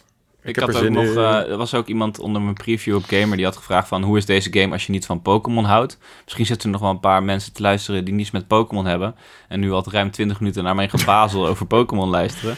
Um, is deze game leuk als je niet van Pokémon houdt? Nou, ik denk wel dat het een manier is om kennis te maken met Pokémon anders dan de, zeg maar, de mainline RPG games. Want het is een soort van safari, wat Lucas eigenlijk eerder al zei. Um, ja. je bent gewoon lekker aan het genieten van um, Nintendo-achtige omgevingen in de hoogste kwaliteit die we tot nu toe hebben gehad, zeg maar. Um, in dit, soort, in dit format. Dus, ja. Fotograferen is ook een, een type gameplay dat we niet heel veel zien in games. Uh, je kan het vaak wel doen. Ook bijvoorbeeld, überhaupt zijn er fotomodes. Maar dat, daar, uh, dat dat gekoppeld is aan gameplay. En dat je wordt beoordeeld op je foto's in een game. Dat hebben we niet zo vaak. En dat kan ook juist, uh, dat is juist de kracht ook van deze game. Ja, want hij houdt met best wel veel dingen rekening uh, bij het beoordelen van zo'n foto. De grootte, hoe erg centraal die staat, uh, de pose die hij aanneemt, de techniek van de fotograaf, fo fotograaf zeg maar, die jij hebt gehanteerd. het, wordt, het is best wel, en ik heb me wel eens afgevraagd, en toen we laatst Pokémon Snap herspeelden, was ik daar expliciet op aan het letten van, is dit random wat hij doet? Zegt hij nu gewoon van, oh wauw, deze techniek is mooi, terwijl het is een kutfoto? Nee, er zit wel echt een goede, goed algoritme achter. Ja, ja en ik ben ook benieuwd. interessant.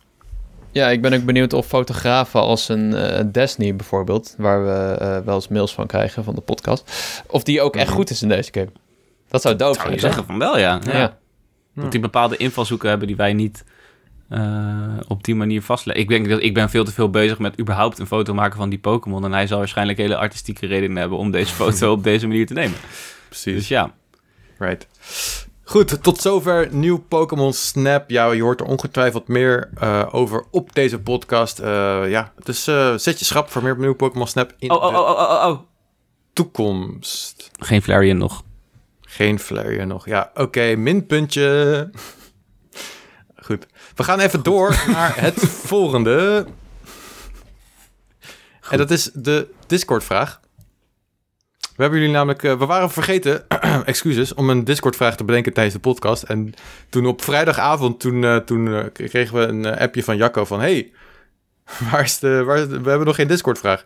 Toen had, even, had ik even zo bedacht van, zo uit de losse pols.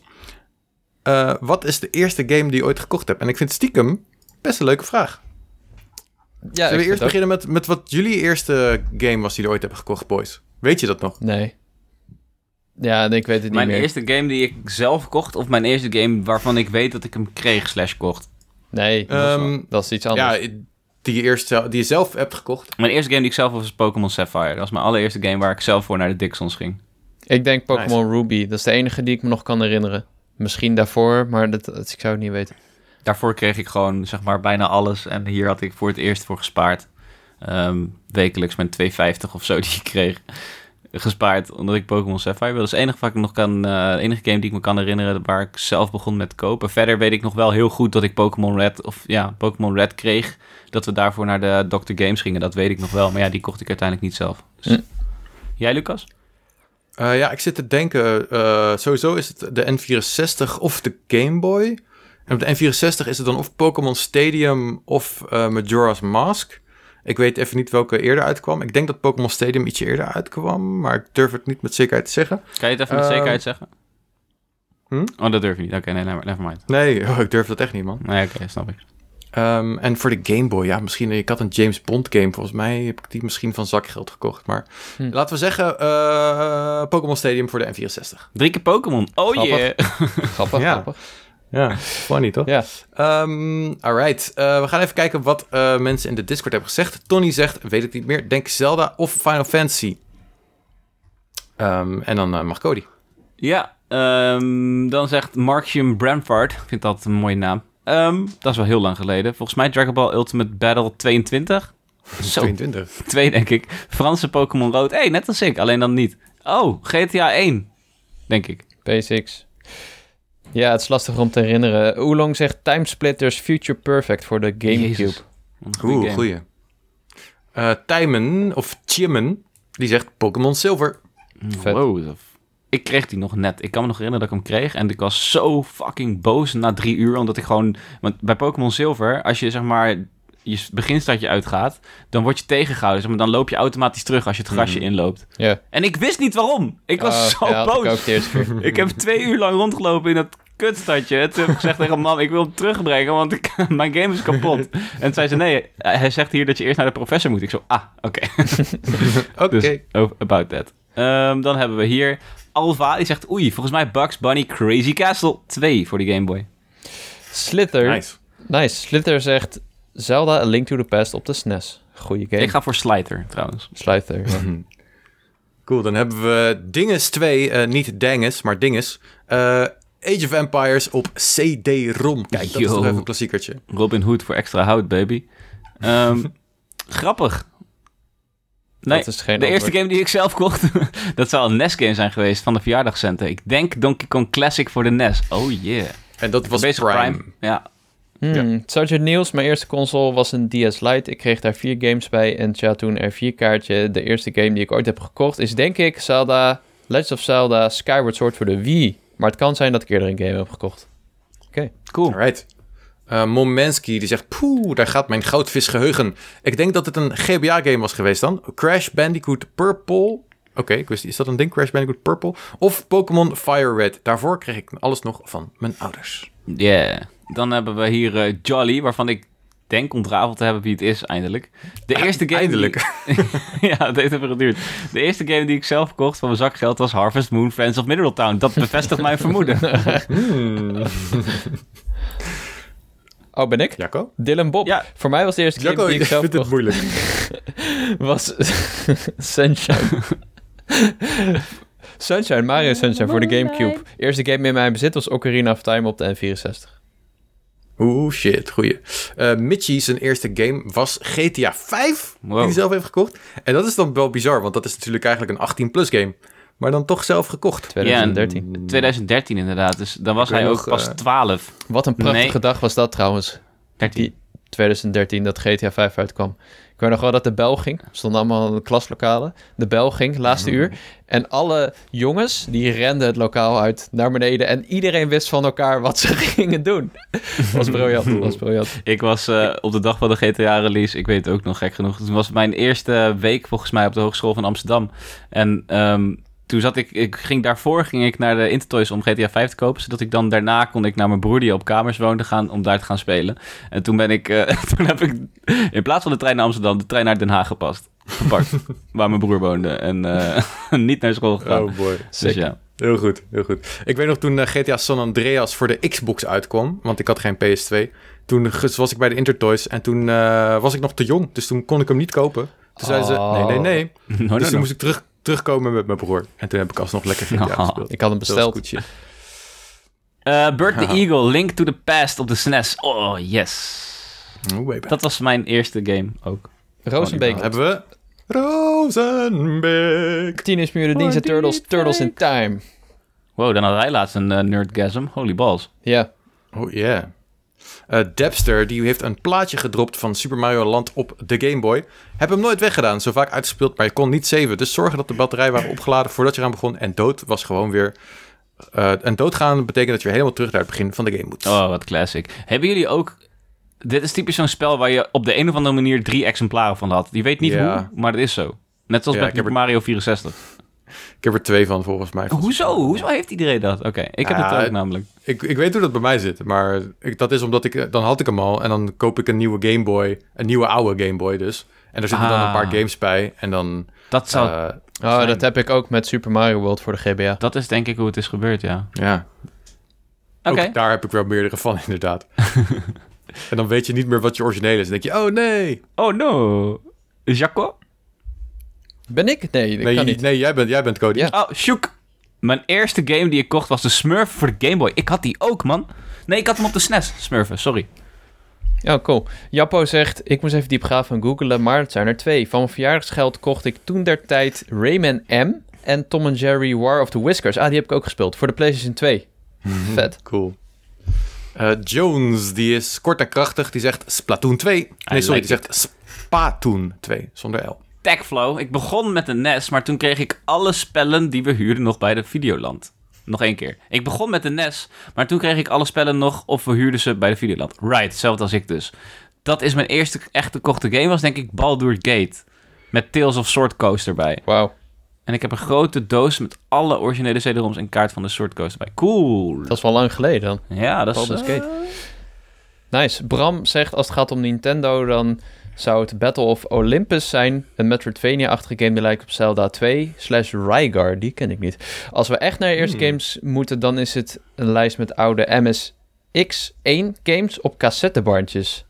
Oh yeah. Ik Shame, wat ben ik oud, zegt hij erbij. Ik wist niet eens dat Heel cool. games op cassettebandjes stonden. Yeah.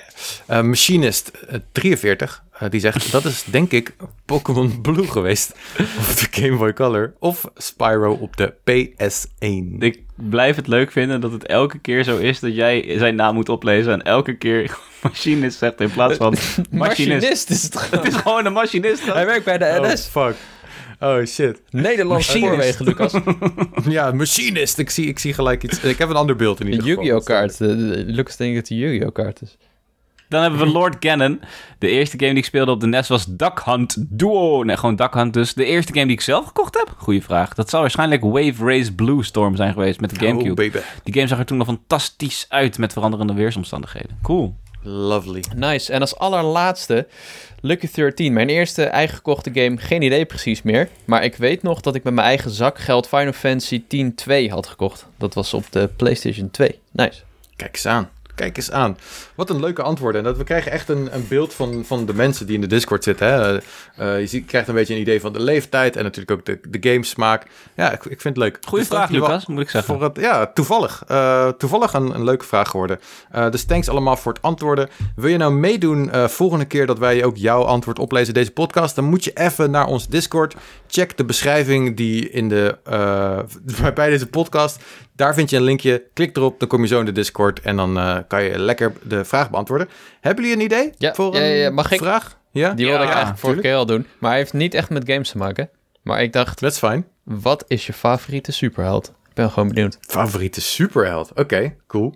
Um, ja, drop hem vooral erin, Jacco. En dan gaan we volgende week het lekker verder hebben over superhelden. Ja, cool. Ik drop hem zo erin. Yes. ik zie nu ineens een tweet voorbij komen van de Monster Hunter stream die ik zo meteen heb. Waarin staat van, van, van Tisco onderweg naar Power Limited om lekker met Jacco Monster Hunter te gaan streamen. weet jij iets wat ik niet weet, Jacco? Ja, ik ga zo naar de redactie. Ik ga uh, denk ik Monster Hunter streamen dan. Oh ja, en ik moet natuurlijk eindredactie doen. Ja, nee, nu weet ik het weer. Ja. Of en die nieuwsdienst wordt die ik tijdens de podcast of tijdens de stream Die had jij zo gepland, ja. Ah, dat ja, is gebeurt natuurlijk nooit. Nee. kan gebeuren. oh, ja, ja. Ja. Right. Tijd voor de mails. Oké, cool. Dan gaan we door naar de mails inderdaad. je kan een mailtje naar ons sturen. We hebben gewoon e-mail. Dat is best wel hip van ons natuurlijk. Maar dat uniek, ja. Voor het hippe volk is dat.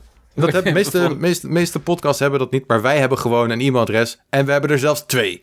bonuslevelcast.gmail.com of bonuslevelcast.gmail.com. Kies het zelf, een C of een K. Jij bent de baas.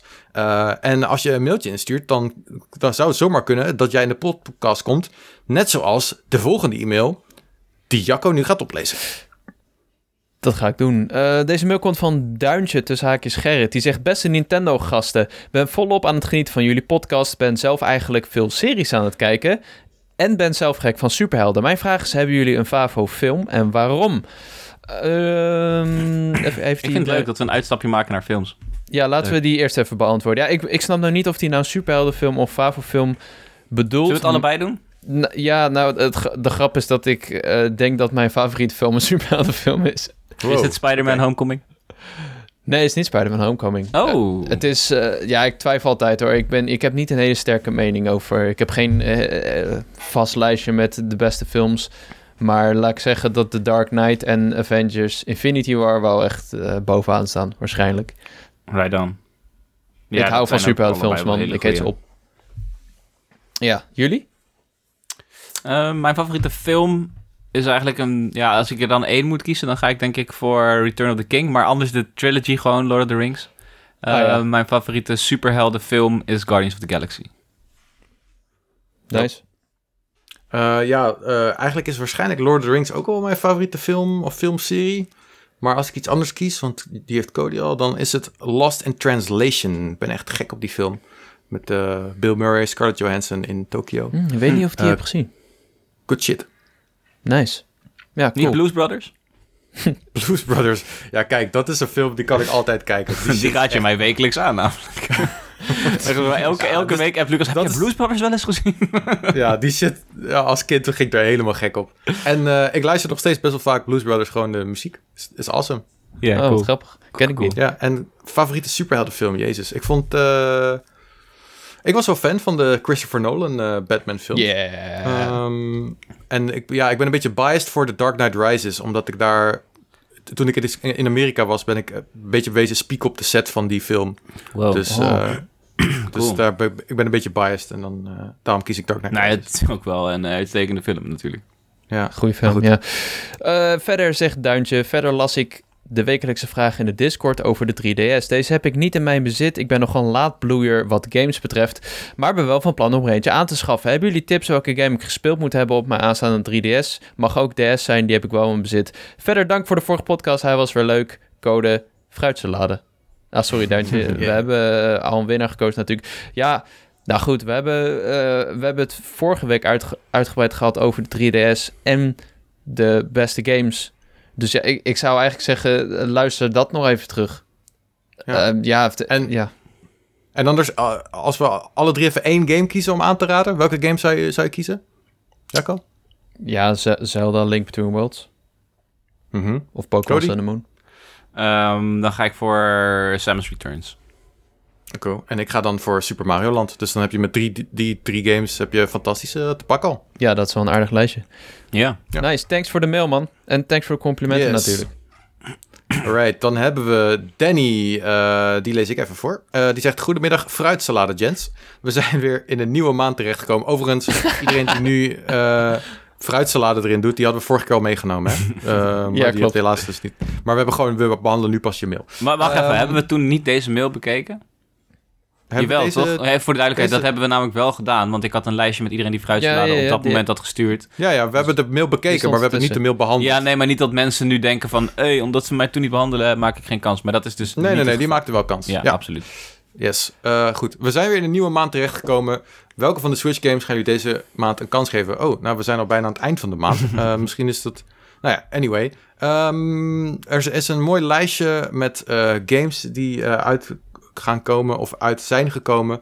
Um, ik zeg, ik heb alleen Sea of Solitude die ik hierbij zie staan. Er is kennelijk een director's cut van uh, uitgekomen, ook op de Switch. Ja.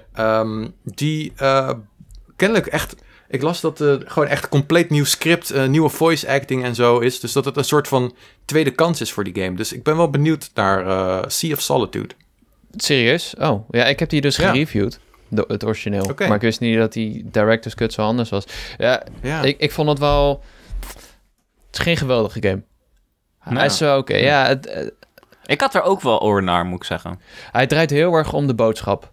En de is gameplay is niet zo boeiend. Mm, ja, het is, het is wel sfeervol op zich. Het, um, laten we zeggen dat de gameplay wel echt soms een beetje in de weg zit. En uh, dat het niet zo heel boeiend is. Je hebt ook eindbaasgevechten die eigenlijk niet zo boeiend zijn.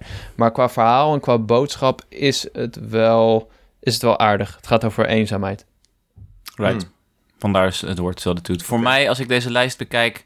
Um, Monster ja, ga je nee, dadelijk niet heel veel. Ik ga, ik, ja, precies. Eh, dat, more, ja, alleen Monster Hunter Rise, die uh, ga ik dadelijk dus eventjes uh, uh, proberen. Samen met, met Tisco. Dus dat wordt, dat wordt denk ik wel leuk. Ik heb eventjes wat dingen opgezocht gisteren toen ik in bedje lag over die game. Toch wel, want ik heb eigenlijk nooit echt heel veel interesse in gehad. Maar het ziet er wel heel, zeg maar de traversal van die game is volgens mij best wel dope. Dat is hetgene wat mij vooral opviel. Dus uh, ik ben wel benieuwd. Ik, ik, ik ga daar straks helemaal plain in. En wie weet kom ik er wel uit als een ambassadeur. Ja, ik denk dat als je deze podcast luistert, dat er bijna geen mogelijkheid is dat de stream nog bezig is. Uh, want we zitten nu al bijna twee uur in de podcast. En uh, voordat die online komt, dan is de stream denk ik al afgelopen. Maar je kan natuurlijk de stream gewoon terugkijken op het Twitch-kanaal van Power Unlimited. Uh, dus de Monster Hunter Masterclass met Cody en Tisco. kan je ongetwijfeld terugvinden. Ja, zeker. En we hebben natuurlijk de review gehad. Dat is misschien een beetje gek voor luisteraars dat we. het lijkt alsof we die game negeren. Want hij komt gewoon deze week uit. En het is een uh, gigantische titel voor Nintendo natuurlijk. Maar hij krijgt op Gamer krijgt hij een 9 uh, en op Pu een, ja, praktisch ook een 9, volgens mij 89.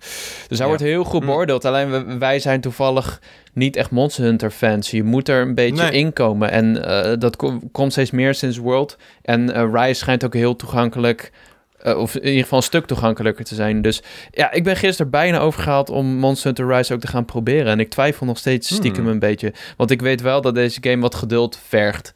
En ik weet niet of ik zin heb om dat op te brengen, zeg maar. Nou goed, ik heb hem uh, op mijn Switch staan. Dus ik, uh, ik ga wel even deze week een aantal keer opstarten. En dan kan ik volgende week een mini-review van een Lake geven aan jullie. Ja, We kunnen wel een keertje co-op doen natuurlijk. Dat is wel dope aan die game. Ja, dat is fucking vet. Ik hoop dat dat wat beter werkt dan Monster Hunter World. Want die heb ik wel een beetje gespeeld. En dat was echt zo lekking. Hoe je, uh, zeg maar, co-op moest spelen was echt horrible. Hmm. Reden waarom ik ermee ben gestopt. Oké. Nou goed. Alright. Leuke vraag. Thanks, Danny. Yes. Op naar de volgende van Destiny. Hallo mannen. jij die voor, Alle... Oh, ja. Ik dacht ik neem hem direct over.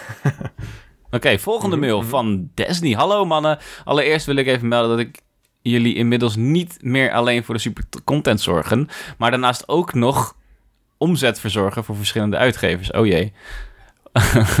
heb je eventjes nu al gekocht? Op jullie aanraden heb ik inmiddels Hyrule Warriors, uh, Age of Calamity en Super Mario 3D World en Sackboy aangeschaft. Oh my god, now I feel bad. Tot nu toe met alle aankopen zeer tevreden. Voor mijn volgende uitkoop roep ik jullie weer op. Rogue Heroes, Rogue Heroes staat hoog op mijn lijstje. Ik ben alleen benieuwd of het ook leuk is om in singleplayer te spelen. Alvast bedankt voor de hulp. Groetjes, Disney, a.k.a. de Dutch Snorlax. Lucas. Ja, uh, goede vraag. Um, ik sowieso tof dat jij die andere games hebt in huis hebt gehad en er tevreden mee bent. Dat, uh, dat is goed. Um, ja, ik denk toch echt dat de kracht van Rogue Heroes zit in, in multiplayer. ik denk dat het best best prima is uh, om singleplayer te spelen. Maar dan kan je bijvoorbeeld eigenlijk gewoon uh, beter A Link to the Past of A Link Between Worlds spelen. Maar goed, als je die helemaal kapot hebt gespeeld en je wil meer van dat soort gameplay, ja, dan zou ik best prima aanraden om Rogue Heroes te halen. Het is best pittig en daarom ook wel leuk. Bovendien kan je deze ehm, game ook uh, gewoon matchmaken. Hè? Dus je hoeft hem niet per se alleen te spelen. Right. Moet wel zeggen, ik ben, wat je net zei, slaat wat mij betreft spijker op de kop. Leuk spelletje. Er zijn betere varianten als je het echt alleen speelt. Maar je kan gewoon online matchmaking doen. En dan speel je wel met rando's. Alleen deze game staat dat wel toe. Je kan deze game prima met rando's spelen. Want hij prioriseert altijd één scherm. Dus je kan ook niet te ver van elkaar uitwanderen of zo. Dus je bent wel, een, denk ik, een ondanks je niet met elkaar spreekt, redelijk goede fellowship.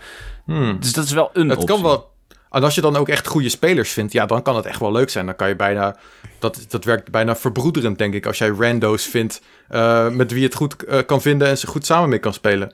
Uh, dus dat zou wel cool zijn. Maar goed, ja, probeer echt gewoon ehm, minstens één iemand te vinden die ook gek is op 2D Zelda. Ja. En dan worden jullie 100% keihard verliefd op deze game. Wat mij betreft de enige dus goede antwoord, ja. Ja, alright, cool. Wij zijn er bijna doorheen inmiddels. Dus het einde is in zicht. Van Rogue Heroes, ja, man. We zijn, ik dacht de mails. Ja, ja, nee, we hebben nog twee mailtjes. Die laten we hier ook nog even oppakken. Uh, maar Rogue Heroes, ja, we zijn echt, echt op het eind. Ja. En het is, het is nu al een beetje sad dat uh, het einde in zicht is. Maar de eindbaas is wel moeilijk genoeg. We zitten er nu wel al twee speelsessies op uh, vast te bijten. Dus dat is goed. Ja, nou ja, volgende hebben we wel te pakken, denk ik hoor. Denk we het ook wel, ja. Akelig dichtbij. We leunen te veel op mijn vriendin. Die is één keer als enige over. Gewoon elke ja. keer. Dat is echt cool. Sukkels. Yes. Oké, okay, Jacco, pak jij deze van uh, Floris, a.k.a. Techflow? Oh, die is uit de uh, Discord.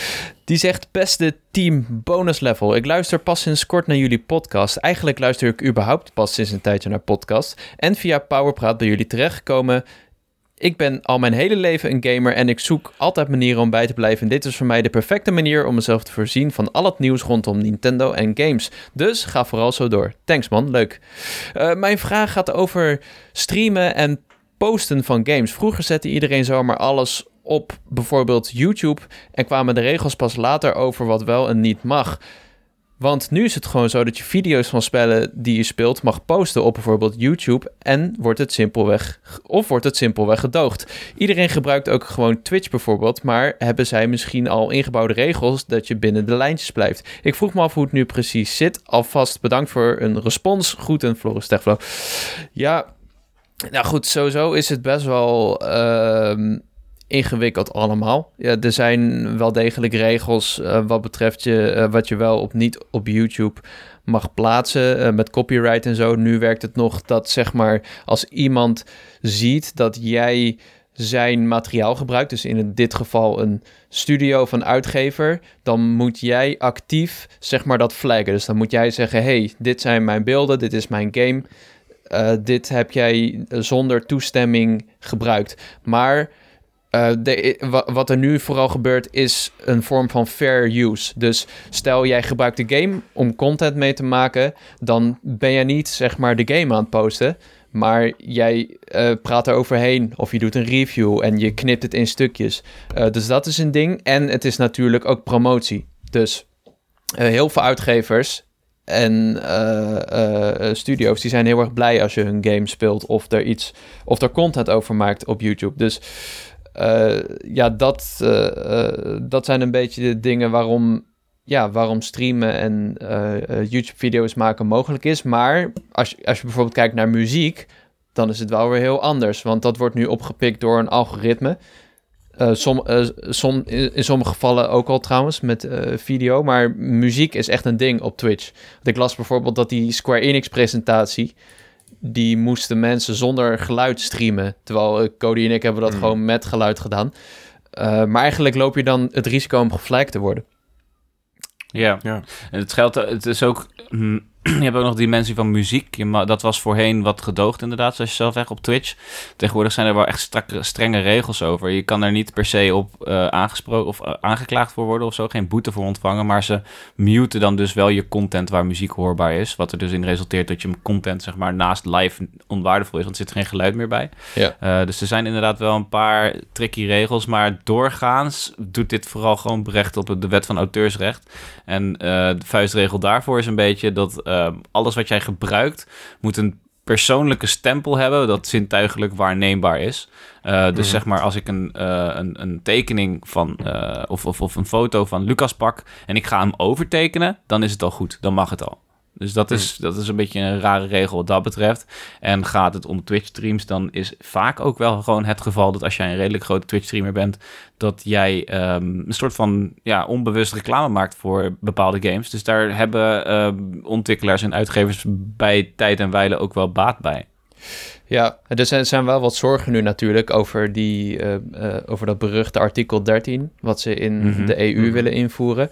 Uh, en dat geeft zeg maar dat draait het een beetje om. Dus dat, dat gaat ervoor zorgen dat uitgevers direct aan de hand van algoritmes dat soort dingen kunnen flaggen en offline kunnen halen. En dat er daarna door een mens naar wordt gekeken. Dus de zorgen zijn nu dat er allerlei algoritmes komen die ja, eh, je video gelijk offline halen. Uh, als je hem online post, dat dat veel meer kan gebeuren. En dat heel veel mensen hun inkomen kwijtraken. Dat zou voor, uh, voor ons nou ja, als podcast uh, wat minder uitmaken. Maar bijvoorbeeld voor een Power Limited en een gamer zou dat wel ja. zou dat best wel een ramp zijn. Uh, ik, ik heb toen een keertje naar wat juristen. ik heb een paar juristen erover gesproken toen, wat die ervan zeggen. En sommigen zeggen ja, ik weet niet hoe het gaat lopen. er was ook iemand die zei van volgens mij de Universiteit Leiden, die zei. Ja, uh, luister, uh, die uitgevers die hebben er alleen maar baat bij. Dus die zullen nooit zulke al agressieve algoritmes inschakelen om uh, dat helemaal kapot te maken. Dus dat fair use, dat blijft gewoon bestaan. Dus ja, dus misschien komt verandering, misschien niet. maar dat is hoe het werkt. Ja. ik ben verder ook geen... Ja, goede vraag. Ik ben geen expert verder hoor. Maar ik denk dat Cody daar iets meer van weet uh, uh, van, vanwege zijn studie. Ja. ja, het is een heel complex onderwerp en uh, we, we, kunnen hier nog uren over lullen. Maar um, ja, zeker, weet je, we, we, begeven ons ook gewoon in nieuwe media. Dus het is allemaal, ja, er worden, de, zeg maar, de wetten en de regels worden momenteel gewoon nog ehm, ja, aangepast. Noodzakelijk aangepast. En dat zal voorlopig ook nog wel even blijven in de tijden waarin wij leven, dat het allemaal zo snel gaat. Dus uh, een interessante vraag, uh, Floris. En uh, ja, leuk om daar eens over te praten. Ja, thanks daarvoor. Ja. ik pak de laatste mail van deze podcast op. Die komt van Anoniem. En dan weten we misschien stiekem wel waar die van is. Um, dat is namelijk een reactie op... Wij hadden het over Animal Crossing en over het café en over Brewster. En oké, er zijn drie punten. Eén, dit staat in de mail. Brewster is een duif, geen uil. En dat is zo'n ding. Uh, ik dacht even dat het een L was, maar het is, een, het is een duif. Maar weet je wat het betekent? Ik kijk gewoon naar het personage. Ik kijk niet van, is het een L? Is het een duif? Is het een mus? Ik zie gewoon het heilige object. Vogel. Dat is Brewster. je noemt toch al bij zijn uh, naam? Niks mis mee. Ja, precies. Ik zie geen kleur, weet je. Uh, in de vorige game was er een apart café, gaat anoniem door, niet in het museum. True fact. Uh, je kunt in het café niet alleen koffie drinken, maar je kan ook werken en dan koffie serveren aan je Oeh, dat is dat was, ik, dat, was ik, dat was ik vergeten. En uh, daar heb ik ook wel zin in. En nu heb ik extra zin in dat uh, er terug gaat komen in de nieuwe Animal Crossing. Anyway, en nog een vraag.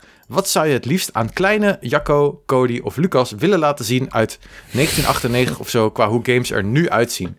Dus als je een... Oké, ik was dan vier, Jacco was twee en Lucas was acht? Ik was acht, ja. Ik was drie. Ja, maar ik, was ik denk niet dat ik zou snappen wat je ermee bedoelt. ik denk dat ik nog TikTok aan het kijken was. Of well, TikTok. Holy shit. TikTok? Nee, TikTok had je toch met al die ja, psychedelische cirkels. Ja, yeah, wat? Een kleine Jacco heel doop, denk ik. ja. ja, lastig, lastig. Um, open wereld um, games? dat is überhaupt wel iets echt van de nieuwe generatie. Vier, dus ja, oké. Dan, dan denk ik dat, ik dat, dat voor mij Pokémon Snap zou zijn dan dus. Nieuw Pokémon Snap, want dat was... Uh, ja, de game was er toen al beschikbaar. En ondanks dat het voornamelijk Donkey Kong 64 was... wat ik op de 64 speelde en de Zelda games... Uh, destijds, want er kwam iets later Pokémon Snap. Ik denk wel dat ik hem toen al had. Moeilijk inschatten. Als we het gewoon over een abstracte kleine Cody hebben... Kleine Cody hebben, absoluut Pokémon Snap. Want dat is gewoon hmm. zo erg intact gebleven... maar ineens zo fucking mooi. Ik denk echt dat ik dan zeg maar... mijn brain zou ontploffen. ja, ik denk dat, er, dat ik dat ook wel met de nieuwe Pokémon eh, Sword and Shield zou hebben. Met de open wereld. Gewoon het meest sprekend, hè? Als voorbeeld, hmm. denk ik. Ja, en misschien wel Warzone of zo. Gewoon dat je met in een zo'n groot level met je maten gewoon ja, gewoon, het, het is zo realistisch. Je kan zoveel ja. kanten op. Je, door ramen, door deuren, helikopter vliegen. Jij, Lucas? Ja, dat is echt insane. Ja, voor mij is het denk ik... Ik, zat, ik zit erover na te denken. En vooral, kijk ook 98. Als ik dus inderdaad 8 was... Ik was uh, misschien wel net een beetje Zelda-fan geworden... maar uh, dat was toen al mind-blowing zat. Um, dus ik zit te denken... Ik denk dat Mario Kart wel... Een, uh, zeg maar, als we Mario Kart 8 Deluxe zouden, zouden pakken... en als ik die zou kunnen zien als, als achtjarig kind... Dat zou, dat zou echt een ding zijn ik denk dat ik daar een enorme... Ja, weet je, het, het, het grootste verschil is... Ehm, graphics, toch? Dat is het grootste verschil sinds, uh, sinds uh, 98. En online. En, uh, en, en ik denk dat Mario... En online. Dus ik denk dat Mario Kart een game is waar ik heel veel om gaf toen ik die leeftijd was. En om een nieuwe versie ervan te zien zoals die, denk ik dat dat wel echt mindblowing was geweest. Ja. Ja, een ander voorbeeld is misschien gewoon een game op een OLED bijvoorbeeld. Dat is waarschijnlijk al best wel insane. Ja, dat zou sick zijn. In plaats van zo'n klein vierkant kastje heb je ineens een plat ding aan je muur hangen waar beeld uitkomt. Say what? Een schilderij dat licht ja. ja. Dus uh, ja, crazy om te bedenken dat, je, ja, dat het zo snel is gegaan eigenlijk. Tijden ja, het is super snel gegaan. Dan moet je nagaan wat we over nog eens uh, eh, 20 jaar kunnen verwachten. Ja. Wat zou jij het liefst willen laten zien aan je toekomst uh, zelf? Wat, um, hoe bedoel je? Ik heb geen idee. Um, Aan je toekomst zelf? Ik snap het niet wat je bedoelt. ik ook niet. Nee, dat onthoud je toch? Je hoeft niks te laten zien. nou goed, ik zou wel willen laten zien aan mijn toekomst zelf hoe, uh, hoe deze podcast wordt opgenomen. Weet je, via Discord, super outdated. Tegenwoordig, mm -hmm, tegenwoordig en heb ik het nu, spreek even uit vanuit toekomstcode perspectief. Tegenwoordig druk je op een knopje en sta je naast elkaar. En, ja, Precies. Dat is weird, ja. corona was ook nog een ding nu. Ja. En nu is gewoon corona altijd aanwezig. ja, die moeten, moet altijd oh op afstand af, opnemen. Ja, iedereen woont in een eigen bubbel, letterlijk. En bondkapje was toen het enige, hè? Oh my god, jongen. Ik, ja. ik, ik... We hebben nu ook oogkapjes. Oogkappen, ja. Neuskapjes. Oh. ja, ik las laatst wel een artikel op uh, Rolling Stone. Uh, de, de, de kop was dat klimaatverandering een nieuw tijdperk van pandemieën inluidt. En dat, is, zit, dat spookt echt door mijn hoofd, man. Ja, had ook een Nou, mooie afsluiter van deze ja, gezellige podcast in ieder geval. Goeie feels. Cody begon. Cody begon over de toekomst. Alright, ja. Laten we er snel een eind aan breien voordat we allemaal in paniek eh, zijn hier zo. Ehm, goed, ik wil jullie bedanken voor een fijne podcast. Heren, we hebben het lekker gehad over Pokémon Snap, Super Switch, lekkere mailtjes, uh, leuke antwoorden, zoveel leuke dingen. Uh, ik wil natuurlijk de mensen thuis bedanken voor het luisteren um, en voor het mailen en discorden. En ik wil nog even vragen van, kijk, vind je dit nou een leuke podcast? Ga dan naar mensen die je kent, die ook uh, wel van gamen houden. En zeggen: hey, ik heb misschien iets leuks voor je. Stuur ze een linkje naar bonuslevel.nl of uh, whatever. En dan uh, het zouden we leuk vinden. Hè? Zo kunnen we lekker groeien. En dat is alleen maar leuk voor iedereen. Ja.